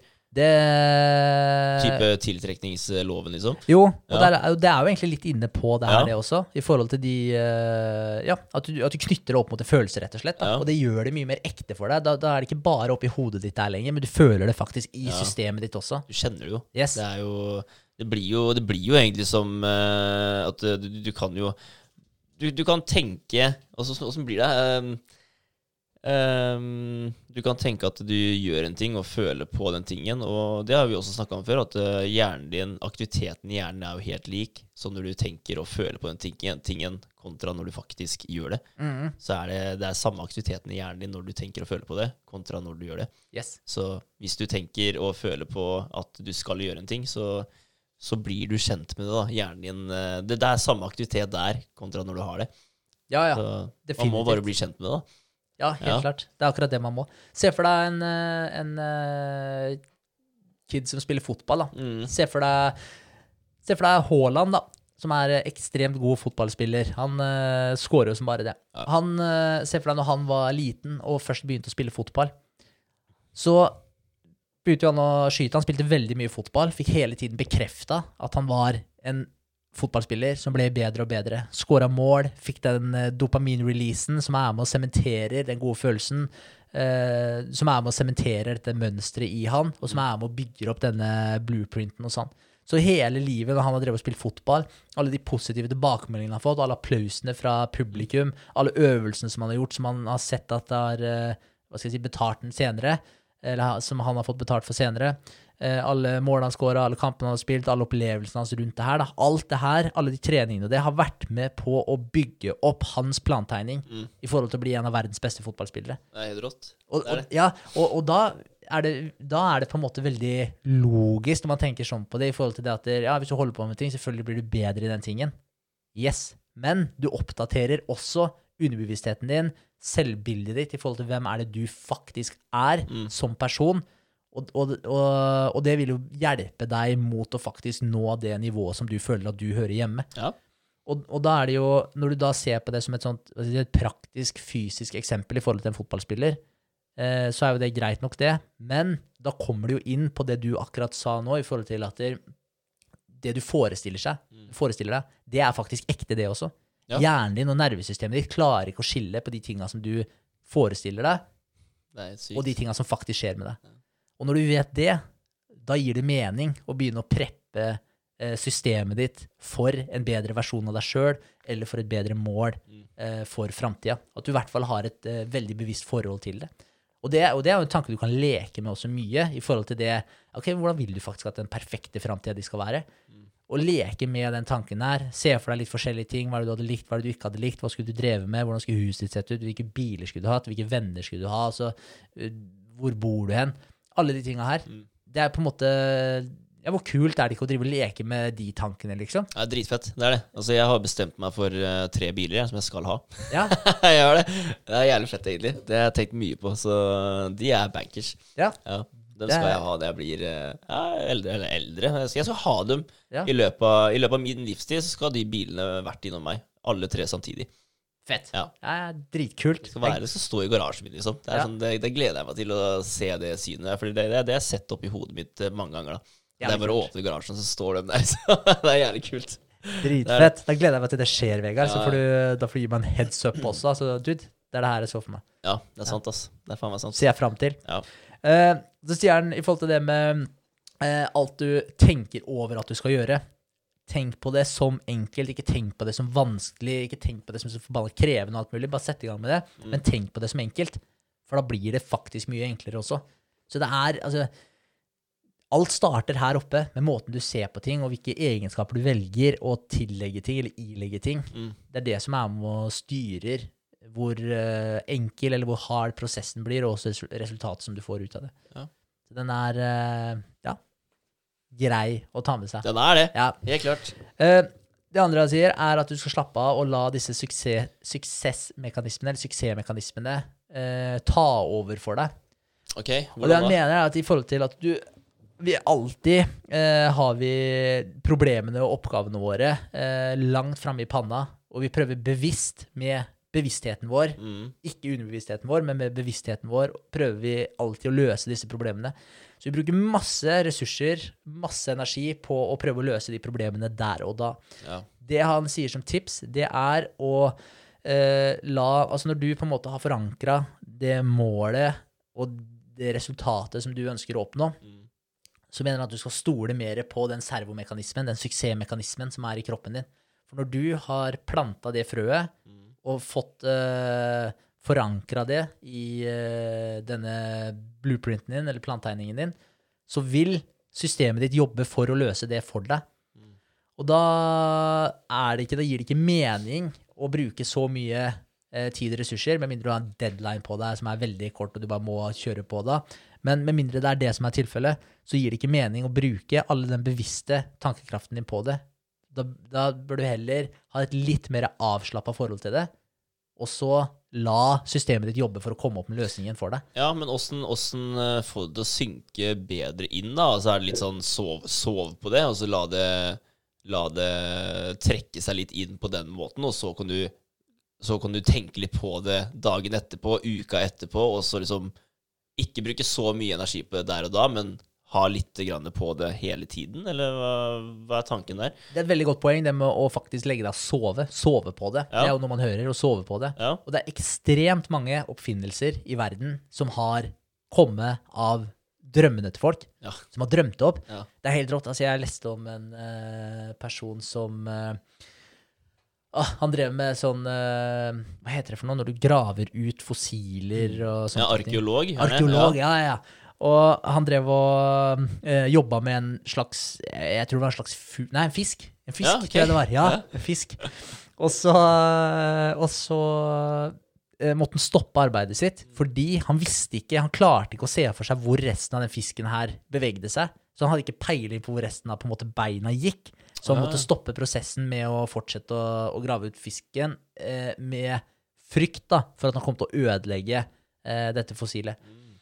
Og, og han la seg og sov, og han drev og tenkte mye da på eh, hvordan det her kunne se ut.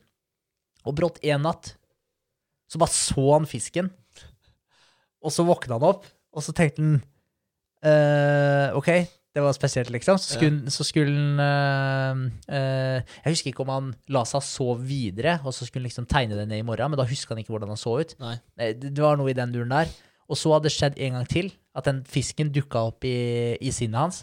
Og da Jeg tror det her skjedde tre ganger, jeg er litt usikker. Det kan ha skjedd to ganger, altså kanskje jeg overdriver litt, men si det skjedde tre ganger. Ja. Høres kulere ut.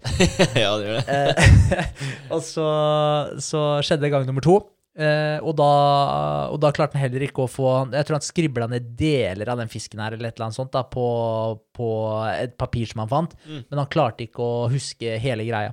Så tok han med seg blokka på nattbordet, hadde den der klar for å tegne den fisken her med en gang han drømte om det her og våkna. Og, og jeg vet ikke om det var samme natt eller et par netter etterpå, eller hva det var. Så drømte han fisken igjen. Han klarte å tegne den opp i perfekt detalj rett fordi han hadde notatblokka Shit. rett ved nattbordet sitt. Og kom tilbake på jobb. Og det var, det var, det var sånn den fisken så ut, liksom. Og det var ting som han tegna opp på den der modellen sin, Mm. som han tenkte sånn Altså, det, det kan ikke skje i helsike at det her stemmer, da, i forhold til hvor de beina går. Men det stemte. Det var noe som var helt umulig for han å se ut ifra det han hadde gravd fram der og da. Altså, hva kaller man noe sånt, da, tenker jeg? Hva, hva, hva, hva er mulighetene for at man faktisk drømmer det her, og det, det, det passer i detalj? Nei, det er Nei. meget godt spørsmål. Ja, er, Det, er, det, er det Gud? Er det mirakel? Hva, hva, hva tenker man om det her? Er, det, er, er vi såpass avanserte egentlig at det faktisk er mulig? Det er et godt spørsmål. Ja. Et veldig godt spørsmål. Jeg, jeg har masse tanker om det sjøl, men, eh, men man har ikke peiling. Man har ikke det. Men jeg tenker, eh, ja, Gud. Den uh, universale bevisstheten. ja. Et eller annet i den duren der. Det, med mangel på bedre ord. For Ja, jeg uh, klarer ikke å forklare det. Men jeg tror det er så mye med måten uh, Hva skal jeg si Bevisstheten vår fungerer. Så jeg, så jeg tror ikke vi er i nærheten av å, av å Ja, vi er bare ikke i nærheten av å forstå det. Nei. Så jeg tror liksom at der, eh, Gud, da, eller den uh, universelle bevisstheten, eller hva du vil kalle det for noe, det er, jeg tror det er beste forklaringa vi har, fordi vi har ikke noe bedre forklaring på det. Nei, vi har ikke. Det er helt vilt. Herregud. Men det er ganske fascinerende. Fascinerende. Det er det. Og det som er kult, er at det er drøssevis av sånne her historier med folk som har drømt opp løsninger til problemene sine. Og da har de feeda ikke sant, underbevisstheten sin, de har feeda denne suksessmekanismen sin med problemet, og så har de latt den jobbe for dem, og så brått så kommer den med svaret.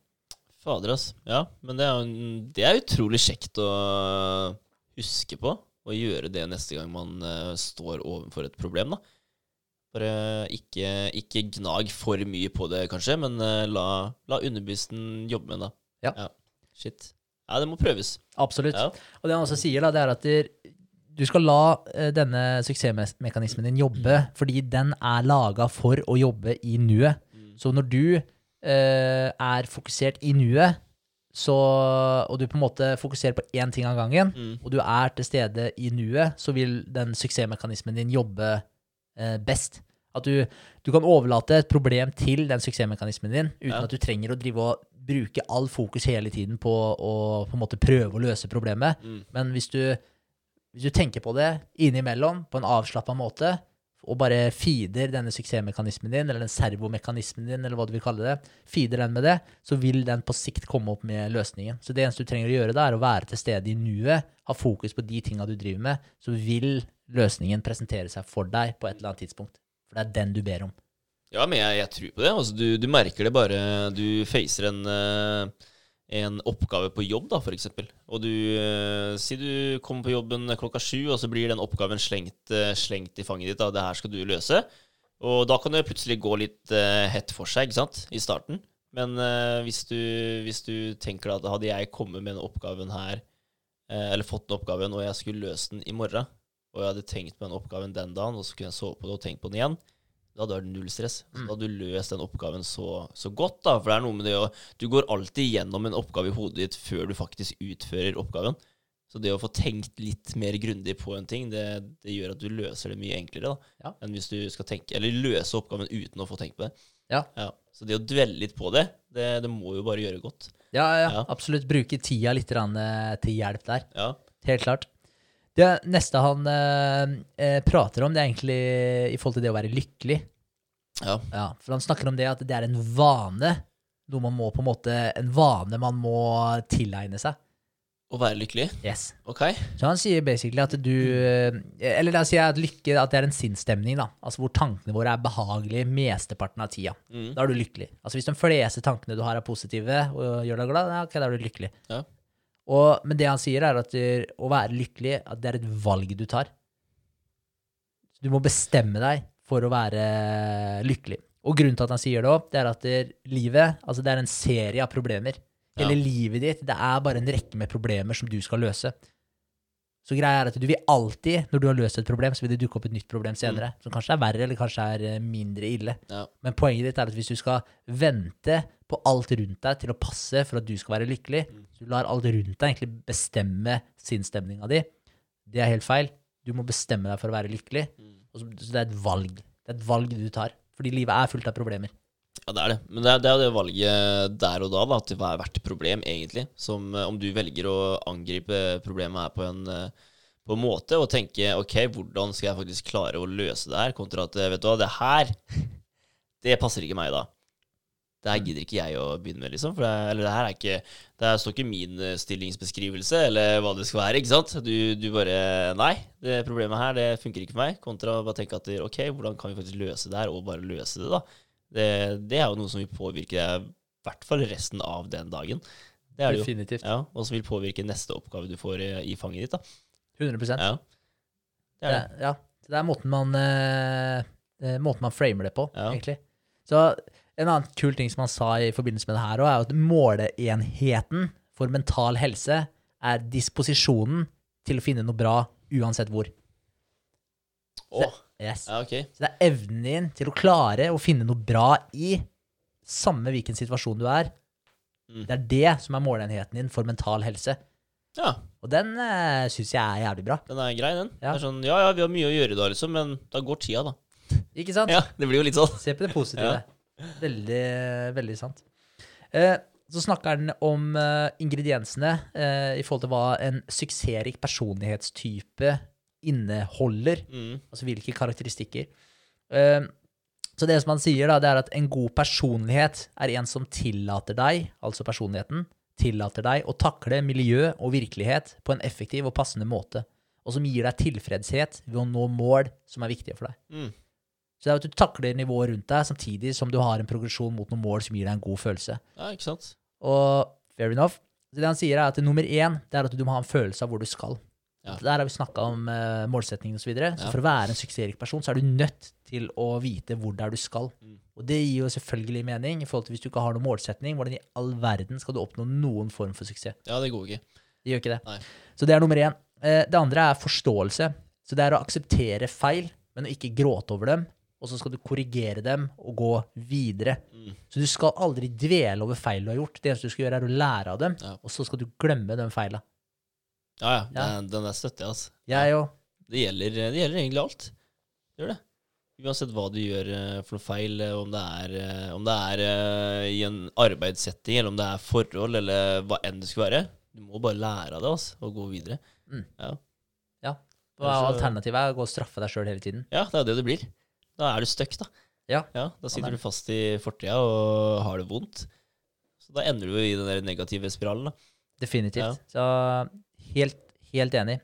Eh, det tredje er mot. Du må ha mot. Eh, det er ofte ikke evner og eh, ideer som avgjør suksess, Mm. men det er eh, mot til å satse på ideen og evnene som gjør det. Ja. Og den den traff meg skikkelig. Ja. For den, den føler jeg gir veldig mening. Fordi det er veldig mange superintelligente, kjempeflinke, pliktoppfyllende mennesker der ute. Men det betyr ikke at de er suksessrike. De er kanskje suksessrike innenfor det domenet som de havna innenfor. Men hvis du ser på evnene deres, og så ser du på noen som har oppnådd kjempemasse, så tenker du jo at er det noen som burde ha oppnådd så mye, så er det den personen her. Ja, ja. Mm. Det er veldig sant. Det er jo det, er det mange gründere sier òg. Altså, du må ansette mennesker som er bedre enn deg. For det er jo, altså, du skal jo ikke sitte og fortelle andre hva de skal gjøre. Det er andre som skal fortelle deg hva som må bli gjort for at det skal gå videre. Ikke sant? Ja. Godt poeng. det, det er mange som ikke er så veldig flinke, har egenskap og skillsa, som fortsatt klarer å komme seg dit de vil, fordi de er tøffe nok til å ta det spranget, da. Mhm. Ja, og så skaffer de seg heller andre mennesker, og omgir seg med andre mennesker da, som, som er flinke nok til å klare det. Ja. Det er mange som gjør det sånn. Helt klart. Der hadde Andreas, kompisen vår, også et, eh, et godt eksempel. Han er jo CTO, eh, og det vil jo da si at han er teknisk sjef, da, Ja. egentlig, eh, for det IT-selskapet som han jobber på. Det betyr at han har da ansatte under seg, Mm. og de ansatte en fyr, og han var eh, mye flinkere enn Andreas til å Mm. Og Andreas var vane med å være den flinkeste eh, på jobb. Ja. Men så kommer den eh, fyren her inn og bare er ekstremt god. Og i starten så sa Andreas at det var jævlig vanskelig, Ja. for han merka at han ble litt irritert fordi han kom med løsninger og som Andreas ikke hadde tenkt på. Men så eh, tok han seg i det og skjerpa seg og begynte å se på det på den korrekte måten. Og det er jo faktisk at du, her kan jeg lære mye av han her. Det her er jo en perfekt fyr å ha på laget, for han er utrolig flink, og han utfordrer meg. Og han gjør jo faktisk så jeg også eh, forbedrer meg, og jeg kan lære mye av den personen her. Styrker laget og de rundt seg, da. Det er jo dritbra. Så der har du jo eh, Der kommer jo ego litt inn på banen også. Men, Ja, ja. Men det er jo også det med ja, og anerkjenne at det er egoet ditt som prater, Mm. eh, og faktisk eh, snu om på det. Men så er det jo faktisk mot også. Du må ha mot nok til å faktisk ansette den personen her som du vet er bedre enn deg sjøl. Det krever jo mot. Det er klart du gjør det. Ja, men det er med å dra deg i Ja. den riktige retningen. Og klare å sette deg sjøl til side. Ja. Ja. Men, eh, men det er litt bra å tenke på det, at, det er, at mot har mye å si. At du faktisk, for det, det er jo noe du kan utvikle. Du kan ikke nødvendigvis, Hvis du har tak på 115 IQ, så kan du ikke få 150 IQ. Men du kan utvikle motet ditt og tørre å gjøre ting. Og, og i mange settinger så er det faktisk det som skal til. Ja, ikke sant? Ja, det tror jeg på. Ja, kult. Gavmildhet, det er nummer fire. Eh, at du basically er du gavmild mot andre, så vil det gjøre at du også er mer gavmild mot deg sjøl. Du ser på deg sjøl som en eh, person, person. Og ja, ser, eh, holder deg sjøl i Hva heter det for noe? Esteem. Høyere Nei, Jeg klarer ikke det ordet for esteem. Ja, nei, ikke jeg heller. Nei. Det er eh, Jeg har ikke IQ nok. det er bra. Men så er det synet ditt på andre. Eh, lære deg å sette mer pris på andre. Ja. Eh, det er nummer fem. Mm. Så det er også en viktig egenskap hos suksessrike folk. Ja. Eh, og jeg ser jo det, det er jo sikkert mye med hvordan du behandler andre mennesker. hvordan du ser på andre mennesker. Og hvis du ja, setter mer pris på andre mennesker også, så vil sikkert det bidra positivt på veldig mange måter. Ja, da vil jo de bidra mer da, til å faktisk hjelpe deg til å komme høyere, noe som også bidrar dem, selvfølgelig. Eller, ja. Helt klart. Ja. Og, og jeg tror altså, Man kan være så fake man bare vil mot personer, men jeg tror på et eller annet nivå så merker man hvis det er en falsk snillhet. Hvis du bare faker at du liksom setter pris på folk, eller eh, faker at folk er ålreite. Eh, Jeg, jeg tror jo de fleste vil merke på en eller annen måte at det ikke er helt genuint. da.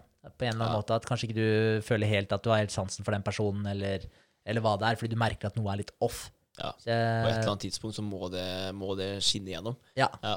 jeg tenker det. Det kan være småting. Men hvis, Ja. du genuint, hvis du genuint setter mer pris på andre, så vil du jo åpenbart gjøre, strekke deg litt lengre for de personene også.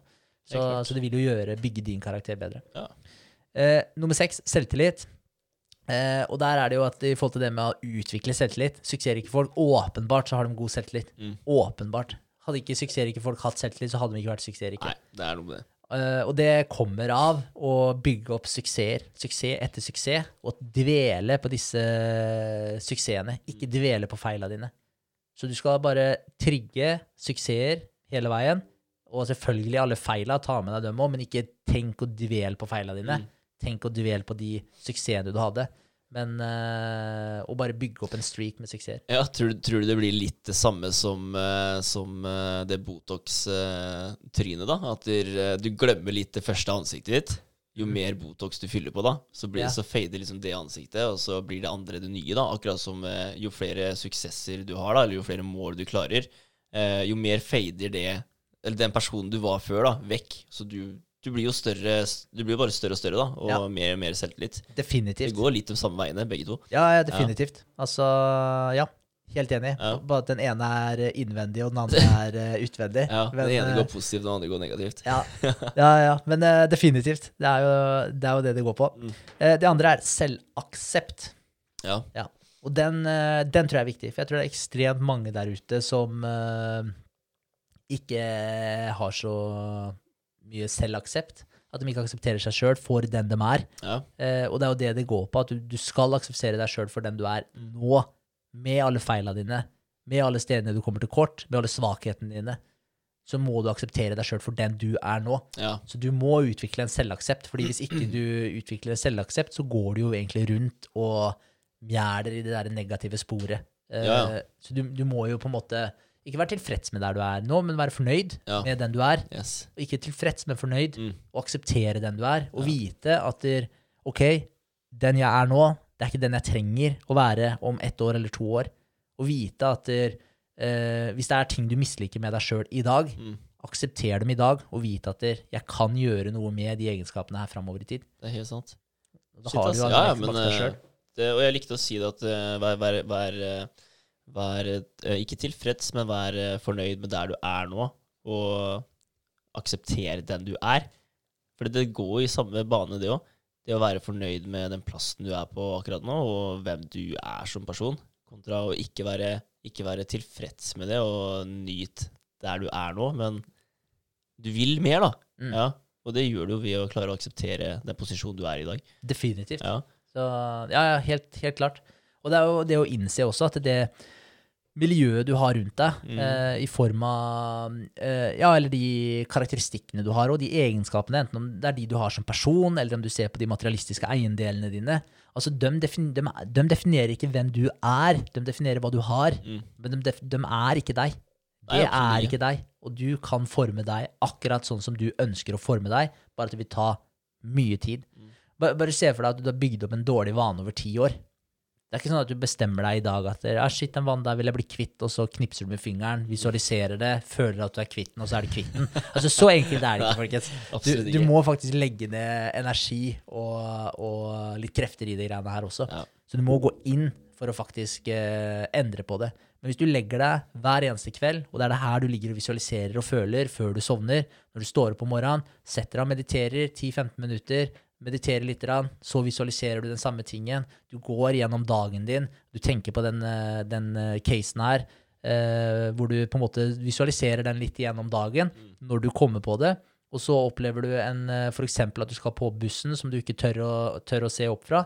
Ok, du går og setter deg i setet ditt, du turte fortsatt ikke å se opp, men du gikk og titta langs gulvet hele tiden til du fant en ledig spot. Eh, ja, ok, men når du setter deg ned da, ikke sitt og gi deg sjøl juling fordi du gikk nå bare så i gulvet. Dropp det. Dropp feila dine. Mm. Da setter du deg heller og visualiserer at der, Nei, faen, jeg gjorde det nå. Jeg titta opp. Jeg er på riktig vei, liksom. Bare fortell deg sjøl det. Ja. Ja, bare se for deg at du gjorde det. Det trenger ikke være en løgn heller. Bare se for deg at, der, at du gikk inn på bussen. Så ikke tenk på at du feila, ikke tenk på at du så i gulvet, men bare etter at du har satt deg, se for deg at du gikk inn på den bussen her nå med de samme folka som sitter der, ja. for nå ser du dem jo, og så ser du for deg disse folka, at du titta opp og titta på dem før du satt deg. Så er det det du ser for deg, ikke at du titta ned i gulvet og at du er en failure. Jævlig kult. Altså, da lærer du kroppen din at du har gjort det, da. Ja, Ja. Og da går det mye enklere neste gang. det er akkurat det. Ja, ja. Men, men da må man passe på også at man er konsekvent i det her. At man ikke, eh, at man ikke går på den bussen, og så feiler man i anførselstegn, og så forteller man seg sjøl 150 ganger. Hvor jævlig tragisk du er som faila på de greiene her. Ja, ja, faen, altså. Jeg visste at jeg ikke skulle klare det her. Yes. Ja, og da går det i hvert fall ikke neste gang. Da du bare glemmer. Glemme. Ja, for da Ja. sementerer du jo den, Ja, og så føler du deg dritt i tillegg. Da, så da har du den følelsen igjen knytta til den visualiseringa di. Når du ser for deg at du feila på de greiene her, Ja. så har du en følelse knytta til det. Det er så trist, ass. Ja. Ja, og det, akkurat den følelsen der, da, den bare f- tar du med deg til neste, neste ting du, du skal gjøre òg. Den bare henger i, som bare gjør at du, mest sannsynlig så går det gærent med neste oppgaven eller neste person du skal hilse på, da. Mm. Det funker ikke. Nei, det er, det er jo helt tragisk. Ja, og du har jo faen et valg på den starten der. Du har det, du kan bare velge å snu det her til det positive greier, liksom, og tenke at du, vet du hva jeg, jeg gikk faktisk på bussen, og jeg titta på dem og jeg smilte. Mm. Hvis du bare tar det lille valget der, så bare får du den gode følelsen. Altså. Du bare endrer dagen din, da. Ja, Det er helt vilt, altså. Hvor lite som faktisk skal til for at uh, du får en god dag kontra en crappy dag. Da. definitivt. Ja. Men det krever enorm, eh, enormt fokus Mm. fra deg sjøl, i hvert fall til å begynne med. Etter hvert så vil det gå på automatikk. Mm. Eh, for da vet du hva, så, hva det innebærer. på en måte. Det, det er lettere, da, for du har en del reps innabords allerede. Ja. Men, eh, men i starten, altså du, hvis du har sementert et mønster over 15-20 år, lykke til med å forandre det. Det kommer til å ta tid, og det kommer til å kreve mye av det. Men det betyr ikke at det er umulig for det. Det betyr bare at det er litt mer krevende. Mm. Så um, ja. Eh, det var den. Eh, ja, det var siste på selvaksept. Det Ja. er de sju punktene da, som skal til for å bygge en suksess. Ja. personlighet. Rams dem fort opp nå, Eh, de sju punktene. følelsen av hvor du skal, et mål, forståelse, at du aksepterer feila, men ikke gråter over dem, eh, og eh, få mot, fordi det er ikke nødvendigvis skillsa dine som avgjør suksess, men det er eh, eh, motet ditt til å faktisk satse på ideen eller skillsa. Eh, gavmildhet, være gavmild mot andre, det gjør deg mer gavmild mot deg sjøl. Eh, ha synet ditt på andre, at du lærer deg å sette mer pris på andre. At du utvikler selvtillit, eh, og at selvtilliten er bygd på erfaringer av å lykkes, så du må eh, samle opp disse eh, gangene du har lykkes med ting. Eh, og det er det du skal dvele over. Du skal glemme tidligere feil. Og så er det selvaksept, og det er å akseptere deg sjøl akkurat sånn som du er nå. Med alle feilene dine, Mm. alle svakhetene, alle aspektene du ikke når opp til. Ja, ikke sant. Mm. Fader, altså, jeg likte det med mot. Jeg gjorde det. Ja. Den derre- det, er så, det er så vanlig å si at der, eh, Nei, det er skummelt å satse på den eh, ideen din, da, eller hva det skal være. Eller det er skummelt å kjøpe de aksjene, da, eller den kryptoen, eller hva det skal være, da. Altså, Du kommer absolutt ingen vei, ass. Med mindre du har mot til å ta den lille risikoen der. Eller om det er en stor risiko, da, greit nok, men du, du gagner, det, det er som regel ingenting som gagner deg, med mindre du tar litt risiko. Mm. Du, du gainer ingenting på det. Du gjør ikke det. Det er, eh, det er veldig, veldig Ja. sant. Det er en grunn til at det heter det uttrykket også. With great risk comes great reward. Yes. Det er, et, eh, det er ikke uten grunn. Eh, Så man må, man må risikere noe. Hvis Mm. man mm. tror at man kan sitte hjemme i de trygge omgivelsene sine, surra inn i teppet i sofaen og se på TV hele tiden, og så skal verdens eh, gaver drysse i fanget ditt, så tar du skammelig feil. Ja, det kan du bare glemme. Da, da sitter du i den sofaen ti år etterpå. Det er noe med det. Definitivt. Helt likt. Det er akkurat det du gjør. Det er akkurat det det gjør. Uh, ja. Så er det i forhold til feilmekanismen. Eh, og det handler da om hvordan man kan få denne feilmekanismen, som vi da har, til å jobbe for deg i stedet for å jobbe imot deg. Ja. Og da handler det egentlig om å kjenne igjen eh, hva eh, Kjenne igjen denne feilmekanismen når den opptrer, eller når den trer fram. Eh, og da må du kjenne igjen symptomene for å kunne faktisk gjøre noe med dem. Ja. Og symptomene på denne feilmekanismen det er negative signaler, som at du er frustrert, at du føler håpløshet, nytteløshet, aggressivitet, usikkerhet, ensomhet, bitterhet og tomhet. Oh, ja. Så alle, alle de her er eh, symptomer på feilmekanismen eh, i systemet ditt. Og, eh, hvis du ser på kronisk frustrasjon, f.eks., ja. så kan det bety at målet du har satt deg fore, at det er urealistisk, eller at bildet du har av deg sjøl, er feil. Ja, ikke sant? Så, så alle disse hva skal jeg si, disse signalene her, det er akkurat det de er. Det er, sy det er systemet ditt som prøver å fortelle deg et eller annet. Ja, jeg, jeg får det ofte på jobb, ass. Det er rart, det der. Ja. Ja, Det er systemet som prøver å fortelle meg at eh, du hører ikke til her, Vegard. Du må gjøre noe annet. Brått. Ja. Men, eh, men det er litt interessant å se på det som signaler. Fordi da ser man ikke lenger på at eh, Nei, fuck, nå er jeg frustrert, så nå, nå bare er jeg frustrert. Mm. Det er sånn, ok, men hva er det faktisk systemet mitt prøver å fortelle meg nå?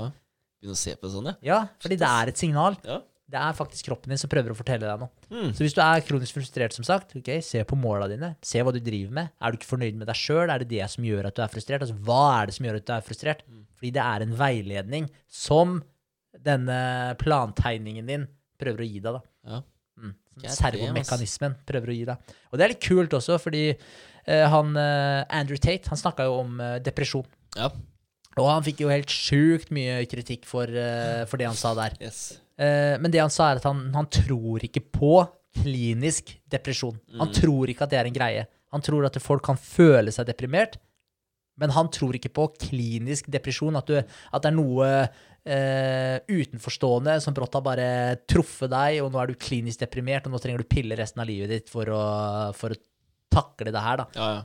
Og han, han snakker jo egentlig om det vi snakker om nå. Og Ja. det er at det er kroppen din som prøver å fortelle deg noe. Altså, du er ikke Hva er det han sier for noe? Altså, du, er, du, er ikke, du er ikke deprimert fordi Eller livet ditt suger ikke fordi du er deprimert. Nei. Du er deprimert fordi livet ditt suger. Ja. Så fiks livet ditt, ja. ja Yes, ja, Og det er på en måte budskapet hans. Ja. Og det er jo veldig inn i det her også. Ta det her som signaler. Mm. Ikke bli et offer for den saken som du føler, om du er frustrasjon, om du er sinna eller usikker på et eller annet, eller du føler deg ensom. Mm. Det er en grunn til det. Det er, det er systemet system som prøver å fortelle deg et eller annet, at du må gjøre noe annerledes enn det du gjør i dag. Ja, ja. Jeg digger det, ass. Det er uh, Skjerp dere, folkens. Ja. Ja, ja, men det, det er faktisk Det er mange ofre her ute, ass. ja, ja, det er faktisk litt av nøkkelen, akkurat det du sier der. Så man må faktisk ta seg sjøl i nakken og, og skjerpe seg. Ja.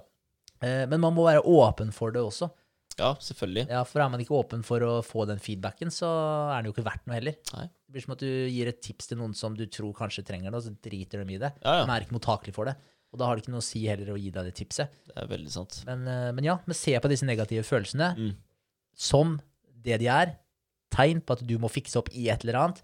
Og det kan være mye her oppe da, i eh, hjernen din som du må fikse opp i, i mindseten din. Mm. Så hvis det er det at du går og er kronisk frustrert, ok, er det bildet av deg sjøl du har som er feil? Er det målsetninga du har satt som er altfor stor, og du er frustrert fordi du ikke har nok progress mot målet ditt? Mm. Så da må du kanskje gjøre om på målsetninga. Ja. Kanskje du må gjøre om på deg sjøl. Bildet Mm. av deg sjøl. Det er, eh, jeg jeg, jeg syns det er kult at du For det, det er vanskelig, det er utrolig vanskelig å klare å eh, oppdage de tinga her om deg sjøl, da.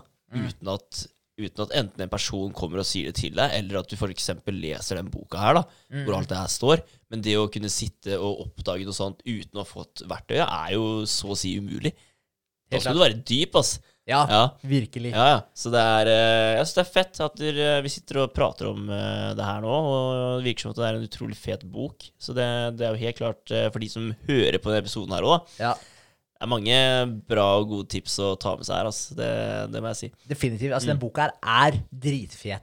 Den Ja. er det. Og den er veldig Altså, den gir deg mye makt over eget liv og egen situasjon. Ja. Men er, altså, er du et kronisk offer og du har lyst til å fortsette å være innenfor de trygge offerrammene dine, åpenbart så er ikke dette boka for deg, for her er du faktisk nødt til å ta ansvar Ja. for hele blueprinten din.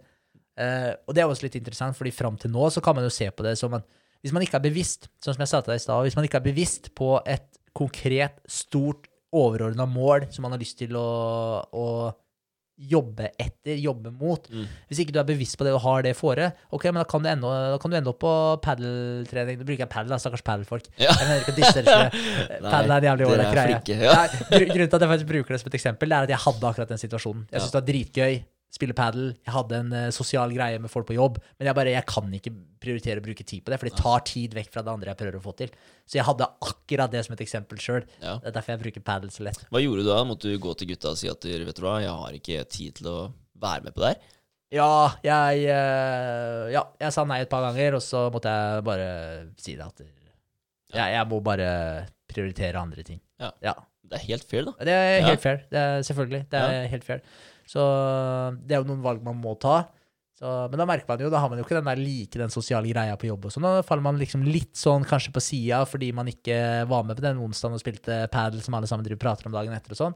Men det er et offer man er villig, må, må være villig til å ta. Ja, ja. Vet du hva, det, det er helt greit òg. Altså, jeg har to kollegaer som elsker å se på Formel 1 og elsker eh, bil og motorsykkel. Og Ja. jeg er ikke inne i noen av de tinga her. Altså, jeg syns det er fett å snakke litt om bil, hvis man snakker om kule merker og sånn, men skruing, da, det er dette jeg av, ikke sant. Så det er, det er mange Det er ofte folk sitter og prater om ting som jeg ikke er med på, og det tenker jeg det er helt innafor. Ja. jeg trenger ikke å bruke tida mi på å bli flink på det heller. Bare for å kunne være med på den samtalen. Det, jeg støtter den Ja. Fullt ut. Det er eh, akkurat det der. Det er helt greit. Ja. Ja. Så det han egentlig sier, er at du skal bruke disse negative følelsene, da. Du skal mot, bruke dem til å motivere deg Ja. mot målet ditt. Er det du skal gjøre. Så bruk det som motivasjon, og finne ut også hvorfor du har dem i utgangspunktet. Mm. Eh, og så snakker han om emosjonelle arr, eh, og hvordan du egentlig kan gi deg sjøl fjerne emosjonelle arr, eller gi deg sjøl emos emosjonell, et emosjonelt ansiktsløft. Ja. Ja, så det er egentlig for å, hva skal jeg si, fjerne eh, ja, disse ting som har skjedd tidligere, eh, ting som eh, sitter ved deg. Prøve Mm. å få bort de her. De dårlige tankene om deg sjøl, egentlig. da Ja, ja, det, og det kan være dårlige tanker om andre, det kan være dårlige tanker om diverse ting, Mm. og og ja, mye forskjellig. Men først og fremst da, så er det at det er, ofte er svake mennesker da, som reagerer sterkest. Ref det vi snakka om i stad, i forhold til hvis noen kaller deg fet, så vil ikke du kjenne deg igjen i det hele tatt. Ergo, du vil ikke bry deg om det. Men det er hvis du føler en svakhet, hvis du faktisk er eh, overvektig, og noen kaller deg fet, så vil du jo ta deg nær av det. Eh, fordi det er en svakhet. Åpenbart så er det jo en svakhet. Mm. Og Det er litt morsomt det der hvis du ser på fotballkamper. Mm. Eh, og de som blir mest forbanna da når noen gjør en tabbe eller bommer på mål, det er som regel overvektige mennesker. Er det det? Serr? er det sant? Ja, altså overvektige mennesker og folk du ser er litt uh, Hva kaller det bomser, da. Å ja, du, snak, du snakker om publikum? Ja, publikum, Oh, ja. ja, ja. Det er dem ja. som klikker mest, da. Ja, ja. Fordi da har den personen svikta deg da, og gjort dagen din enda verre enn det du hadde fra før, da. Ikke sant? Ja. Sjukt. Jeg har ikke tenkt på det. Jeg har bare tenkt at dere, mange fotballfans er fete, for de elsker øl og Ja, ja. ja. Det gir jo mening, det òg. ja, ja. Lættis. Men anyways, da, det er ofte de som har noe å reagere for. De Mm. føler at de har noe å reagere for, og det er derfor man oftest reagerer også. Ja. Så for å fjerne disse reaksjonene og fjerne de negative mønstra der, ikke bli såra av hva andre sier og gjør, eh, så er eh, tilgivelse er på en måte Hva heter det for noe? Antidoten. Ja. Remedien for å fjerne eh, ja, de negative følelsene. Mm. Så, og da snakker vi ikke om bare at eh, ja, nei, jeg tilgir den personen. Vi snakker om en genuin At du genuint tilgir dem. Og det kan jo være hva som helst slags grunnlag for å tilgi. Men jeg hørte et veldig godt uh, uttrykk en gang, uh, basert på det med tilgivelse. Eh, og det er at det, det, er ikke, det er ikke bitter fra slangen som dreper, det er gifta. ja, ikke sant. Mm. Så det er tiden etter, da. Yes, Ja. Det er det at du går Mm. og gnager på de greiene her, Mm. og det er bitterheten din som surner til hele systemet ditt. Og det som er jævlig fascinerende med det òg, Ja. det er at når du er bitter over en ting, fordi noen har sagt noe til deg, Ja. og så blir du sinna, og så blir du bitter, og du går og tenker på de greiene her, surner til systemet ditt, men det er gift for deg. Det har ingenting med den andre Nei. personen der å gjøre, og det er den personen du er sur for. Er Så går du og ganske- skader deg sjøl som en reaksjon på det. Det er jo et skada, da. Tenk at man tillater seg sjøl å gjøre det, da. Yes. At det den personen enten sa eller gjorde, eller hva det var, det skal gå utover livet mitt på en kjempenegativ måte, og det tillater jeg. Ja. Ja. ja, nettopp. Og det er det som er så bra. Ja. For det er du som tillater det. Det er du som er gatekeeperen her. Det er helt utrolig. Fy faen, så tette vi er. Ja, ja. Ja, ja. Det er, Jeg mener det. det altså, det, er jo, er- det er jo helt vanlig. Det er helt vanlig å gjøre. ja. Ja, Etter et breakup eller hva det skulle være, liksom, så går man lenge over en lang periode og er bitter på den andre personen som dumpa deg, da. Yes. Ja, du klarer ikke å la det ligge. Det er helt sykt, altså. Det er faktisk Ja. helt sykt. Bare la den gå, og så vil livet ditt uh, ta en uh, ny vending og bli bra igjen, liksom. Ja. Ja. Det er, eh, Ja. ja, det, den Ja. er virkelig verdt å tenke på. Ja. Mm. altså At det faktisk er deg sjøl du skader. Eh, og hvis du da skal behandle deg sjøl som en person som du bryr deg om, for guds skyld, da fjerne bitterheten og heller bare tilgi. Altså, greit. Fair enough. Ja. Vi lar den ligge. Ferdig med det. Og faktisk jobb med å bli ferdig med det òg, da. Ja, ja, det er noe med det. Så, men se det for uh, hva det er. Mm. Altså Ja. Jeg vet ikke, det er masse teknikker man kan bruke. Betyr det her noe om eh, fem år? Ja, Ja, den for eksempel. Det setter ting i perspektiv, altså. gjør det. Virkelig. Eh, så er det neste steget, da, når du da fjerna disse emosjonelle arra eh, ved å da faktisk tilgi. Da begynner du å renske opp Mm. i eh, blueprinten din, i eh, plantegningen din. Begynner å fjerne alle disse negative greiene. Eh, og da eh, er neste punktet der å låse opp den virkelige personligheten din. Og det her var et punkt som jeg fant veldig interessant, egentlig. Okay. Fordi Ja, altså eh, Noen punkter, da, det er at du ikke skal bevisst prøve å skape et godt inntrykk. Du skal bare være deg sjøl. Ja. Ja, du skal ikke tenke på alt det hva den andre tenker på, hva den andre føler. Nei, ikke sant? Så du skal liksom ikke spille et spill. Og det som eh, også var en eh, case, var at du ikke skal tenke på hva du skal si på forhånd. Ja, men det er, det er vanskelig innimellom. Yes. Ja. Så du skal bare prate. Ja, men det, det, det føler jeg at vi eh, innimellom, spesielt når vi har gjest, da. Da kan jeg ta meg sjøl og gjøre det, og at han sier en eller annen ting, og så tenker jeg at å, shit, den, den tanken eller hva han kom med, da, det han sa der, det skal jeg, det skal jeg stille spørsmål ved etterpå. Og da, da begynner jeg å tenke på hva jeg skal si. Og da går jeg glipp av utrolig mye av det, hva den personen sier etterpå. Mm. Ja. Så der òg, det, er- det jo negativ påvirkning fra meg, da. Ja, Så altså, det kan få han til å tenke at du- faen, du fikk jo ikke med deg det siste jeg sa, liksom.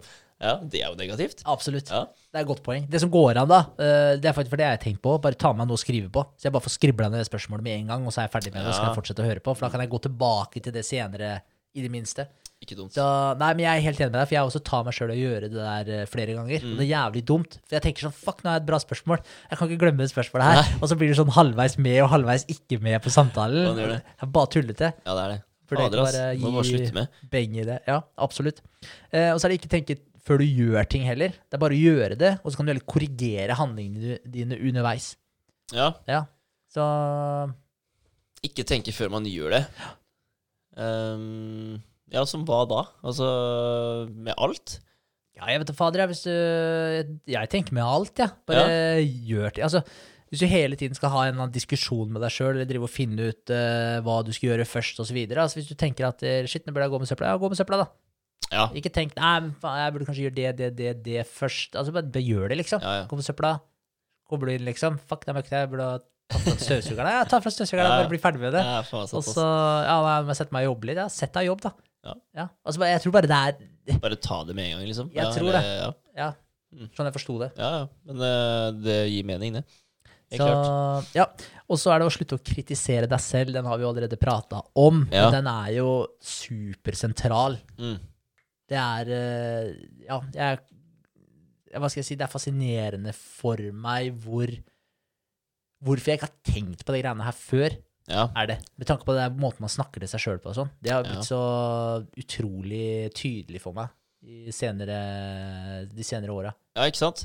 Vi hadde jo en eh, liten episode her om dagen hvor, eh, hvor jeg klarte å slette hele hjemmesida.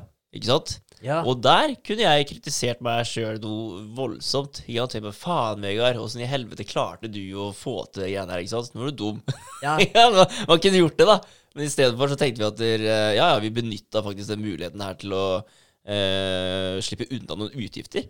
Ja, gjorde faktisk. vi. Ja. Sparte 1000 kroner pluss i året. Ja, Ja. gjorde det. Så vi klarte faktisk å snu den situasjonen til noe veldig positivt, da. Gjorde vi. vi gjorde det. Ja. Jeg, skal si, jeg følte jo egentlig at det var min feil at den hjemmesida ble sletta. Det jeg, følte det. jeg følte det var jeg som pusha deg til å ta det valget som du var veldig usikker på, og så endte det med at alt forsvant. Ja, men Så- eh, vi var enige om det. Ja, vi var det. Vi var det. Men jeg, jeg er veldig enig, og, og, men det sier jo bare også at vi faktisk har kommet et stykke på vei i den prosessen her.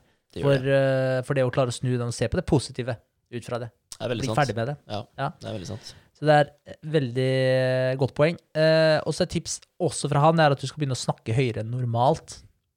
Ok? Ja, jeg tror egentlig det bare er for å eh, komme til ordet, unngå at folk avbryter deg, være litt grann mer til stede og Litt mer øke på. litt energi. Ja, rett Ja. og slett litt, litt mer på, ja. Hmm. Så hvis du har problemer med det, så, så kan det være en eh, måte da å Ja, ja, men, ja, ja, men det tror jeg på. Altså, du, du, blir jo, du blir jo mer uh, sett jo høyere du prater. Altså, du skal ikke skrike, men uh, vær, uh, vær litt høyere i tonen og litt mer krass, kan man si det. Litt mer hard på måten du trekker inn i samtalen på, f.eks. Hvis Ja. du skal ha ordet. Ja, hvorfor ikke? Ja. Være litt mer tydelig. Ja. Og det er jo, skal du ha en, skal du ha en prestasjon, fremføring, hva som helst, snakker du stille og rolig der da, og ting går i en eh, kjedelig tone, så er det ingen som gidder å høre på deg. Nei. Det er jo ikke det. Vi satt jo faktisk og hørte på en del eh, foredrag på, med Smart Innovation Norway for ikke så altfor lenge siden. Ja. Og det var jo ene dama som prata der. Altså, Ja. Jeg hadde sovet litt for lite den natta der. Gikk helt fint i hva, Var det sju foredrag vi hørte på? Ja, det var ja, det gikk helt fint i seks av sju. Men når hun kom på, da begynte øyelokka mine å, å ramle, liksom. Og hun var ikke sist heller. Nei, det var hun ikke. Hun var Nei. midt i, jo. Ja, Ja. Og da bare Jeg, jeg slet så jævlig, for hun Ja. var så trøttsom å høre på. da Men der kan du se, da. Ikke sant? Hadde hun bare gønna på litt og kanskje åpna med joke eller hva faen, da. Bare et eller annet som bare fanger oppmerksomheten. Eller bare Ja. prata høyere, da. Og vært litt mer direkte. Ja. Så hadde sikkert det hjulpet veldig. Jeg tror det hadde hjulpet veldig. Ja. For, det, men for det var ganske fascinerende. For da var jeg sånn Ikke trøtt eh, på alle de andre foredraga. Ja. Holdt på å sovne på henne. Ikke trøtt på noen av det siste. Det er rart, det. Ja, ja. Eller det er jo tydeligvis ikke rart. Nei, kanskje ikke. ja. Eh, og så er det det neste punktet, da. Det er tydeligvis sånn tips uh, for å gi sinnet ditt fred. Eh, Og det er litt i forhold til det her med negative følelser og sånn også. Innse at de skapes av deg selv, ikke av andre. At det er du som faktisk har makta over det. Du kan la noen såre deg, men det er du som lar dem såre deg. Mm. Du kan la noen gjøre deg forbanna, men det er du som lar dem gjøre deg forbanna. Det er ikke bare Mm. dem som bare gjør deg forbanna. Og det tenker jeg også i forhold til det med å ha at andre folk har så mye makt over deg også, da. Så man kan gjøre deg forbanna. Ja. Eh, Skal du, skal du la andre ha den makta over deg? Ja, det er noe med det. Det er sånn der, også hvis, eh, hvis noen sårer deg, da eh, Si du blir dumpa, da. Ikke sant? Skal du da er, er måten å kanskje tenke at du, eh, Vet du hva, da er ikke den personen bra nok for meg å ha i livet mitt. Altså, jeg fortjener ikke de, de dårlige tankene som jeg har fått fra en person der, da. Jeg vet ikke, men eh, en eller annen tanke må man jo skape seg for å klare å slippe unna det. Ja, ja. Ja. Jeg tenker bare gjør alt du kan for å bli den beste versjonen av deg sjøl. ja. Sånn at når du møter den dama der om fem år, så ser hun på deg og Shit, ja. ja. dumpa jeg han fyren der? Det er noe med det. Ja, Se bort på Faen, typen ass. sin og er sånn Du Du kunne vært så mye mer, tenker jeg. ja. Nei, men altså, gjør det som et eh, mål for deg sjøl. Bare bli enda bedre. Ja. Hvorfor ikke? Da er det du som har makta. Ja, ja, så møter du hun dama fem år etterpå, og du har gått, uh, gått i Vet dere, ligget på sofaen i flere år etterpå, da, eller fram til det, og bare syns synd på deg sjøl, da ser du helt jævlig ut, da. Ja. Da er det hun som tenker at eh, faen, jeg vant. Absolutt. Ja. Absolutt. Det blir, det blir jo et lite spill her, på en måte, da. Definitivt. det Ja, ja. det. Jeg tenker det er et bra spill å lage for Ja, seg sjøl òg. Da har du jo faen meg motivasjon. da. Ja. Og, så er det, og tenk deg den kjipe følelsen du har hvis du bare har råtna i de åra det har vært slutt, eller sånn, så Mm. treffes dere random på gata etterpå, og du bare har på den slitne joggebuksa di og Mm. sånn halvfet og ustelt. Og så ser du bare på uttrykket hennes at hun tenker akkurat det du sa der. At bare Å, shit, jeg tok det riktige valget. Mm. Tenk deg hvor dårlig du føler deg da. Ja, Eh. du knekker deg jo helt, jo. Ja, ja, Det er akkurat som å dumpe deg 17 ganger på Ja, nytt, liksom. faen, så jævlig. Så Å nei. Nei, ja. det går ikke an. Så, nei, få den makta sjøl over deg sjøl. det er viktig. Uh, og så er det Tipset hans er egentlig å lage deg et mentalt stillerom. Så du har et eller annet mentalt sted du kan gå til for å deale med diverse situasjoner og få slappa helt av. Ja. Eh, så ja, at du, du kan visualisere. Jeg har jo hørt folk gjøre det sjøl. Visualisere stillerom. Ja. Eh, det er ikke noe jeg har satt meg så veldig mye inn i. Men hvis du har et sted da, for eksempel, som du får eh, Hva skal jeg si? Som gir deg fred, gir deg sinnsro av å være. Visualiser det. Gå dit når du har muligheten. Hvis du slapper av fem minutter på, på sofaen, gå dit med tankene dine. Ikke driv og tenk på alt stresset, alt du skulle ha gjort på jobb, alt de greiene her. Bort med det. Inn i stillerommet ditt. ja. Inn i det mentale palasset ditt. Shit, ass. Dusjen er litt sånn fredelig plass eh, innimellom. Hvis Ja. man uh, tillater seg en litt uh, lengre dusj. Ja. Ja, Kunne stå der og bare koble helt uh, ut. Tenker du på ting da? Eller er det bare at du bare er der? Nei, jeg, du jeg kan faktisk bare være der innimellom. Da kan jeg stå og bare lene huet inn mot veggen og bare koble av. For da slapper jeg av, liksom. Deilig. Ja, Det er deilig. Det er Ikke, jo ikke på en deprimert måte, for det, det hørtes litt eh, trist ut å stå og bare lene seg inn mot veggen sånn, men eh, det er på en positiv måte. ja, ja. ja. Utrolig ålreit. Det er jo basically det man søker etter når man skal meditere, og det er å være i nuet. Ikke være her oppe hvor eh, Ikke underholde alle tankene som svirrer rundt i hodet. Ja, for det er, eh, det er mange som sikkert tenker at ja, men senga er jo en flott plass å gjøre det. Men der sitter jeg faktisk, der har jeg mange tanker i hodet når jeg legger meg. Der er, det er ofte der jeg kommer på ting eh, med f.eks. equip. da. Mm. Det er ofte i senga når jeg skal legge meg. Da ligger jeg og tenker på ting man kan gjøre bedre med equip, f.eks. Og så kommer det en idé der. Skriver du opp her? Nei, jeg er litt dårlig til det. Det opplevde du jo nå sist. Da Da hadde Ja. jeg ikke skrevet det. Nei, Men eh, ja, jeg fikk fortalt ideen for det, da. Ja, men det, det, det er bra. Ja. Eh, det er bra. Så, for jeg, tenker altså Det beste man kan gjøre før man eh, skal sove, Mm. det er jo helt seriøst å ligge og visualisere drømmene dine. Ja. Visualiser måla dine. Ja, det må være det. Ja, ja. Kanskje ta- du til og med drømmer om det, hvis du er heldig. Ja, Ja. Så det kan jo faktisk skje. Ta med deg det inn i, inn i eh, drømmeverden. Mm. Eh, så er det to siste punkter, da. Den eh, nest siste det er hvordan du skal skape den vinnende følelsen. For den er viktig eh, å skape deg. Da er det det vi har snakka om tidligere, i forhold til det her med å forestille deg oppnåelsen av målet. Og det er utrolig viktig, den detaljen der, at det skal være oppnåelsen av målet. At du allerede har oppnådd det. Ja? Eller at du oppnår det når du ser det for deg. At du tar den personen i hånda, liksom. Det er avtalen i boks. Dere smiler Yes. begge to, og du får den brusende følelsen i kroppen, da. Yes, Ja. For eksempel. Eh, og du skal ikke se for deg sjøl på en uh, TV-skjerm, eller se for deg sjøl at du ser ned på deg sjøl som får det til. Nei. Du skal se at du ser ut av dine egne øyne. Du er deg sjøl i situasjonen, og du har oppnådd det. Nei, Hva er det du ser når du oppnår det? Ja, fett. Ja, Så den skal du eh, trigge. uh, trigge følelsen av at det allerede har skjedd. Og da er det selvfølgelig om å gjøre også å gjøre det så ekte som overhodet mulig. Men med tid også, når du begynner å, å skape de bildene her, så vil, så vil det bli tydeligere og tydeligere. For du vil få på plass mer detaljer osv. Ja. på sikt. da. Eh, og så er det det at når du føler deg suksessrik og har selvtillit, så vil du oppføre deg som en suksess. Ja. Og da oppnår du mer suksess. Men den selvtilliten og den suksessrike følelsen, den er nødt til å komme først. Ja. Mm. men det vil jo utstråle til alle andre òg, da. Når du, når du får den følelsen her. Altså, da vil alle andre merke det òg. Altså, når du kommer, et, kommer, kommer inn, inn i et rom, da, og du, du stråler jo de følelsene der, og alle andre kjenner det. ikke sant? De gjør jo det. Det er jo når du kommer inn på et uh, nytt rom, uh, uh, og det er masse nye mennesker der, og du skal holde en presentasjon, og hvis du kommer inn der med hodet heva og du er åpen, da. Du, du, du gjør deg ikke sjøl liten. Altså, alle andre føler den energien der. Ja, Ja, ja, ja. Det er klart, det. definitivt. Ja, ja. Det er som du ser en eller annen mektig person kommer inn i rommet, bare krever oppmerksomheten til alle i rommet, bare ved vesenet sitt. Ta energi fra de andre. Ja, ja, det, er- helt sjukt å se på, faktisk.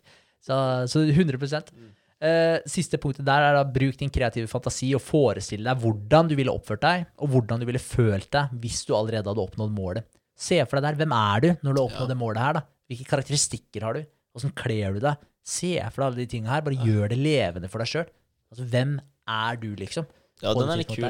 Jeg har, ikke, jeg har ikke sett på det på den måten uh, før. Altså, hvordan, hvordan er jeg, og hvem er jeg, når jeg faktisk har oppnådd det jeg har satt meg som mål? da? Ikke sant? Det er ikke så lett, den heller, men jeg klarer å se for meg mye rart. Ja, det. Ja, det er litt morsomt, da. definitivt. Ja. Og det er litt kult òg, for der så kan man jo lære mye om seg sjøl også. fordi hvis du ser for deg en ting, og så er det sånn Ok, men den tingen der er jo ikke med i noen av visualiseringene mine, så er det sånn OK, kanskje ikke Kanskje det her ikke er en ting jeg holder på med. Mm, Eh. det er veldig sant. Og det hjelper deg jo med å faktisk bli den personen du vil bli, da. Altså hvis du aldri ser for deg den personen du skal være når du havner på den plassen, så kan du ende gærent. For du vet jo ikke hvem du skal bli. Nei. Men hvis du visualiserer hvem du faktisk skal være, så, så gjør du det enklere for deg sjøl. Yes, da har du på en måte en blueprint der også. Ja, da slipper du å bli han onde jævelen, fordi du har allerede, sett for deg at du skal bli god. Ja, definitivt. Og det er faktisk et veldig godt poeng også. Ja. fordi det er jo mange som eh, spesielt hvis vi snakker om eh, økonomiske ressurser, som Altså, de sier jo alltid at du blir mer av det du er. Mm. Så hvis du er et rasshøl, eh, og du får penger, så blir du et enda større rasshøl. Er du en snill type, og du får mye penger, så blir du en enda snillere type. For da har du mer å gi bort. Og det er jo som du sier også, og, å programmere inn det her på forhånd og ha et klart bilde av hvem du har lyst til å bli, det kan faktisk hjelpe deg å styre vekk fra de mer negative tilbøyelighetene som du har. Det tror jeg helt klart du kan. Mm. Ja. Så helt enig. Siste punktet. Flere år med liv og mer liv i årene dine. Det vil si at de mentale holdninger det kan påvirke kroppens evne til å helbrede seg sjøl. Ja. Det er et poeng han uh, gjør. Og det ser vi jo på placeboeffekten. Mm. Fascinerende greier. Veldig sant. Men det er faktisk sinnet ditt som leger kroppen din. Ja, ikke sant? Så vi har Jo, du sa jo det med Vi de der som daua i stad. Ja, ja. ja. Jeg tror, jeg, jeg tror skikkelig på det, og det, jeg har tenkt på det òg. Eh, det har jeg snakka om flere ganger, med tanke på at der, eh, jeg følte før at jeg aldri ble sjuk. Da Da hadde jeg den holdninga at eh, du, du blir ikke sjuk. Ikke sant? Du er frisk og rask, du. Ferdig snakka. Ja. Og jeg mener at der, kanskje jeg setter den vaksina litt som en offerrolle. Ja. Nå, jeg vet ikke, for jeg har skylda på den vaksina. da etter, etter at jeg tok eh, koronasprøyta, så, så har jeg blitt sjuk flere ganger. Og det må være dens skyld. Mm. Men kanskje det er fordi jeg ikke har fortalt meg sjøl nok, da, at Vegard, du blir fortsatt ikke sjuk.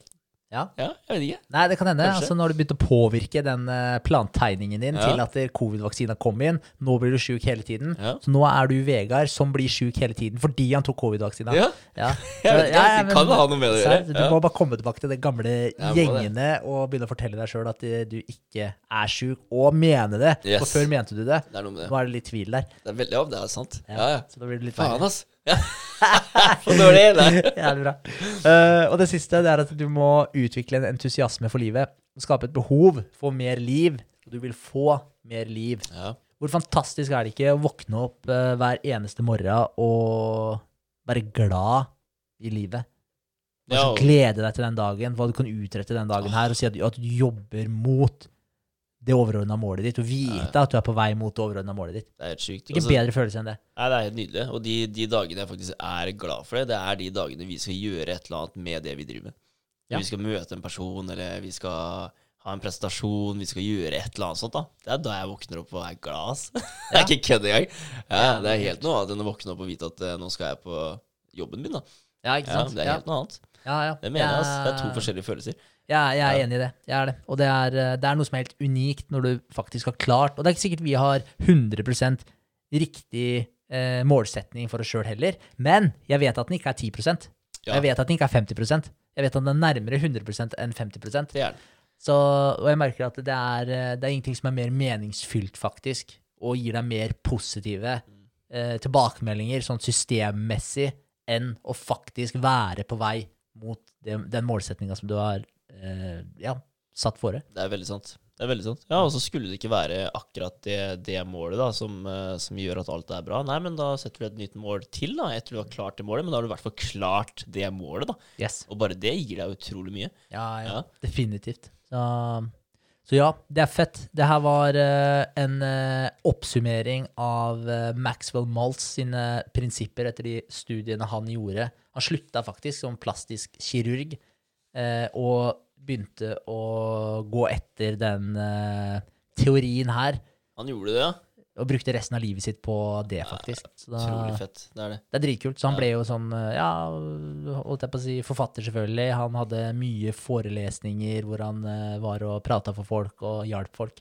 Utrolig imponerende person òg, da. Det må Ja, sies, det. Altså, ja. Du går fra altså, bare være plastisk kirurg, da, det er jo imponerende, men det å Du begynner å legge merke til en ting, da, og du tenker Hvorfor skjer det her? Og så begynner du å grave i det, og det gjør at du bare ender opp på et helt annet område da, enn, det du faktisk, enn der du starta. da. Ja, Helt sykt. her kan du se. Ja, ja. Han bare gikk vekk fra legeyrket da, og ble foreleser eh, og forfatter, som du sier, i stedet for. Ja. For han bare fant et eller annet som bare trollbanden den. da, Det her måtte han løse. Ja, det er Ja. dritfett. Da ser du mye tilfeldigheter som eh, spiller inn også, i forhold til de retningene man tar. Ja, Så det er utrolig kult. Ja, det er, det er dritkult. Altså. Ja. Jeg vil anbefale alle å lese den boka her, for Ja. den kan virkelig hjelpe deg på et personlig nivå. Altså, den kan virkelig hjelpe deg å deale med ting som eh, du kanskje føler du har problemer med, som ikke du klarer å ha full Mm. kontroll over. Den kan deale deg med tanke på målsetninger for livet, hjelpe deg å peile ut en bedre retning.